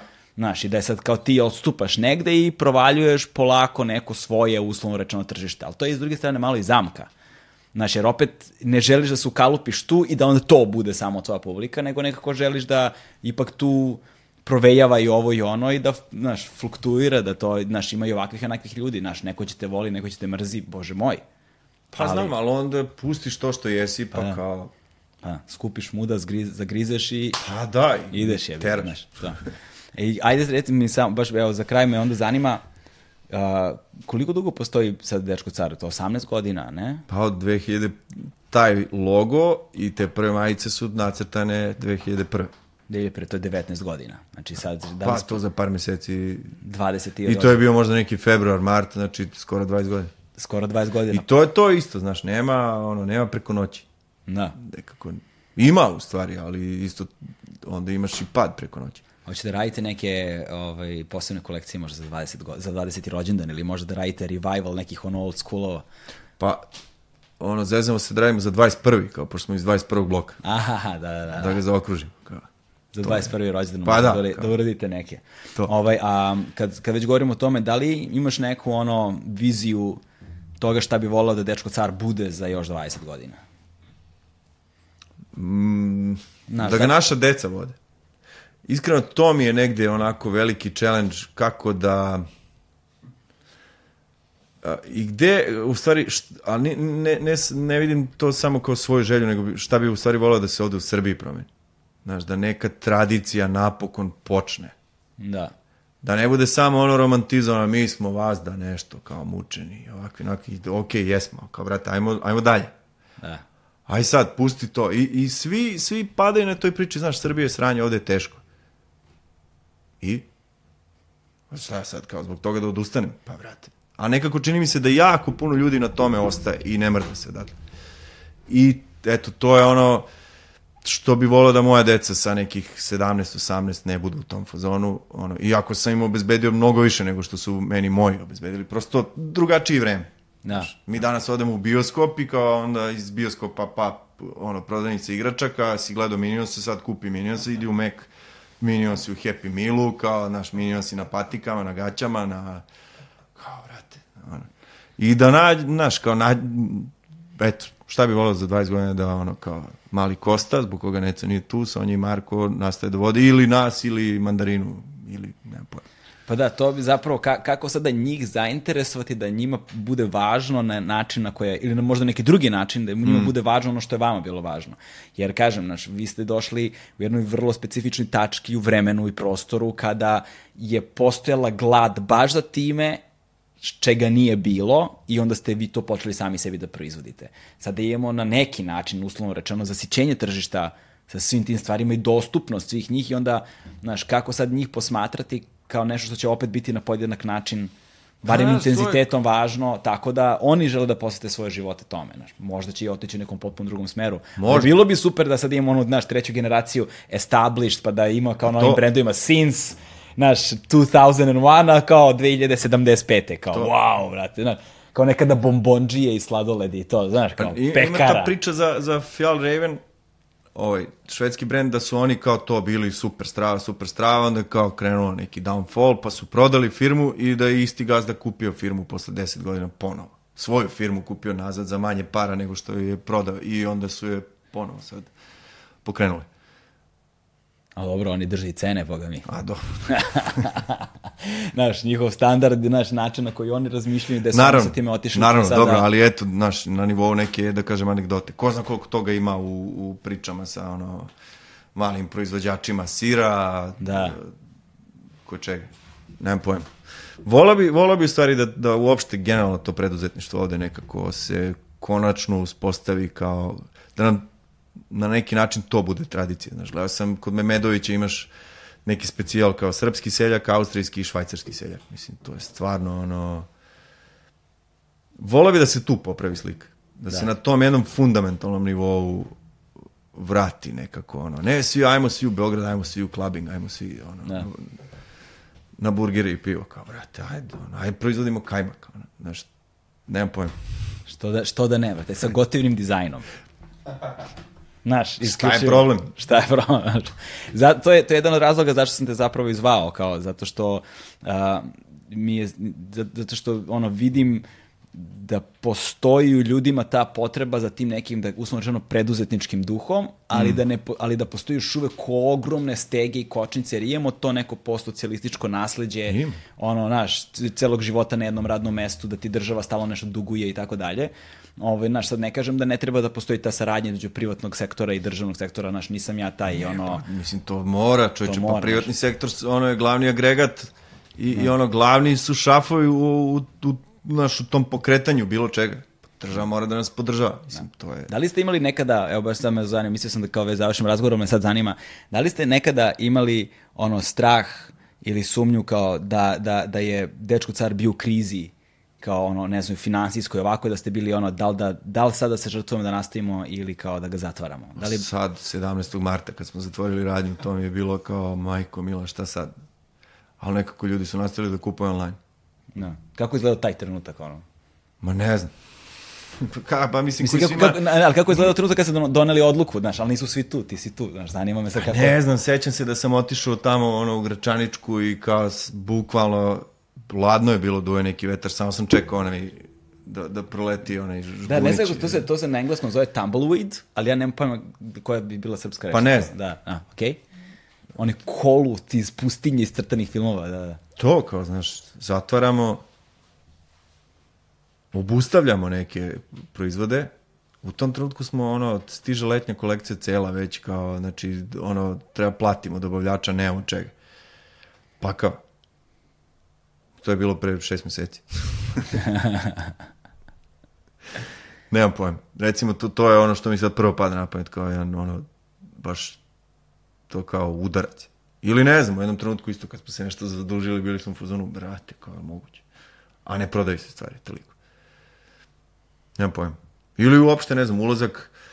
Moja žena je recimo lokal ovih gde je mandarina slučajno pronašla i rešetala. Za one, naše- ko, izvini, za one koji ne znaju, mandarina je zapravo uh, pra, poslastičarnica u Jest, stvari. da, da, posla, da, znaš, da. zašto je mandarina nekako baš ono beogradski lokal. Meni je glupo da to, re, da to zvuči kao reklama. Ali Pa ne, je to nije reklama, života. brate, pričamo, razumeš, znači to, ali kao prave, sad sam htio da kažem, kraft kolače.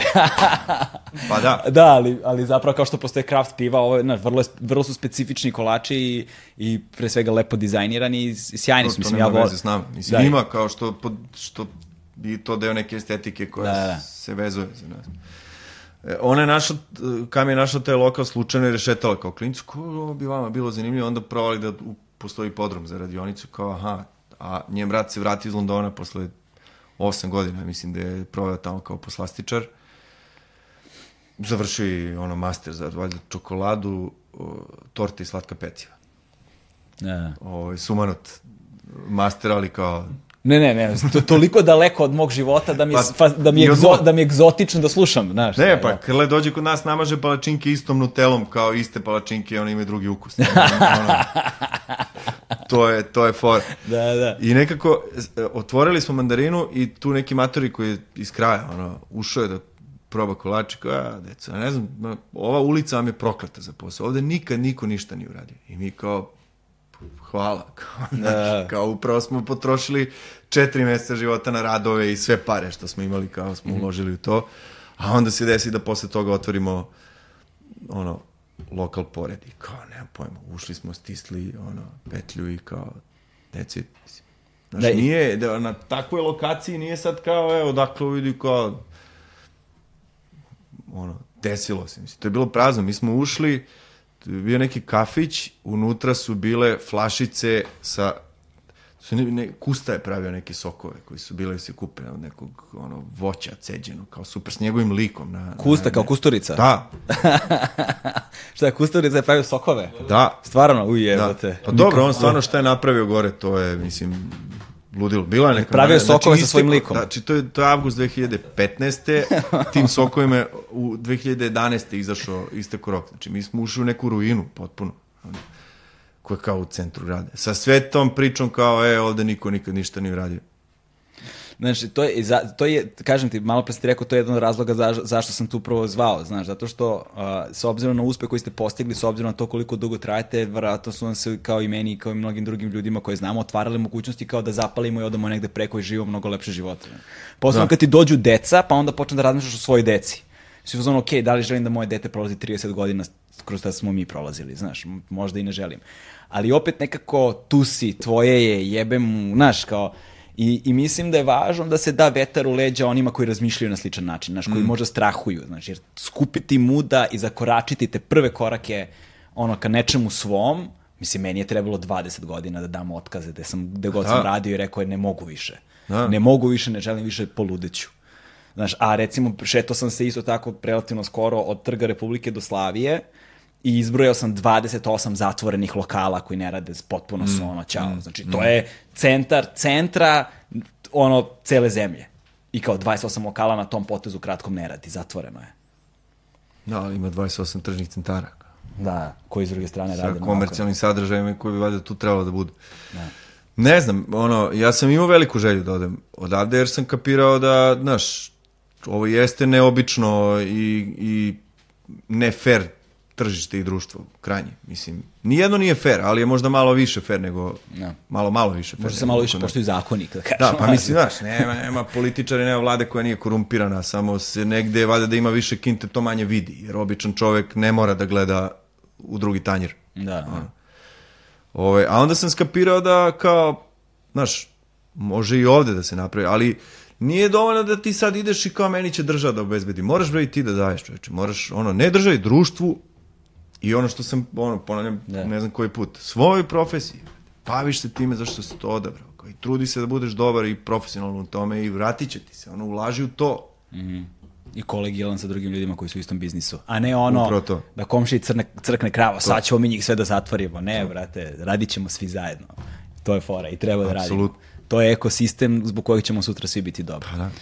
Kućo, hvala ti puno. Stigli smo do kraja razgovora. Ovaj, a, Dobro, želi, da, želim, želim, želim vam sve najbolje u budućem radu. Nadam se da će biti neka hvala. specijalna kolekcija za 21. rođendan, jer ste iz bloka 21.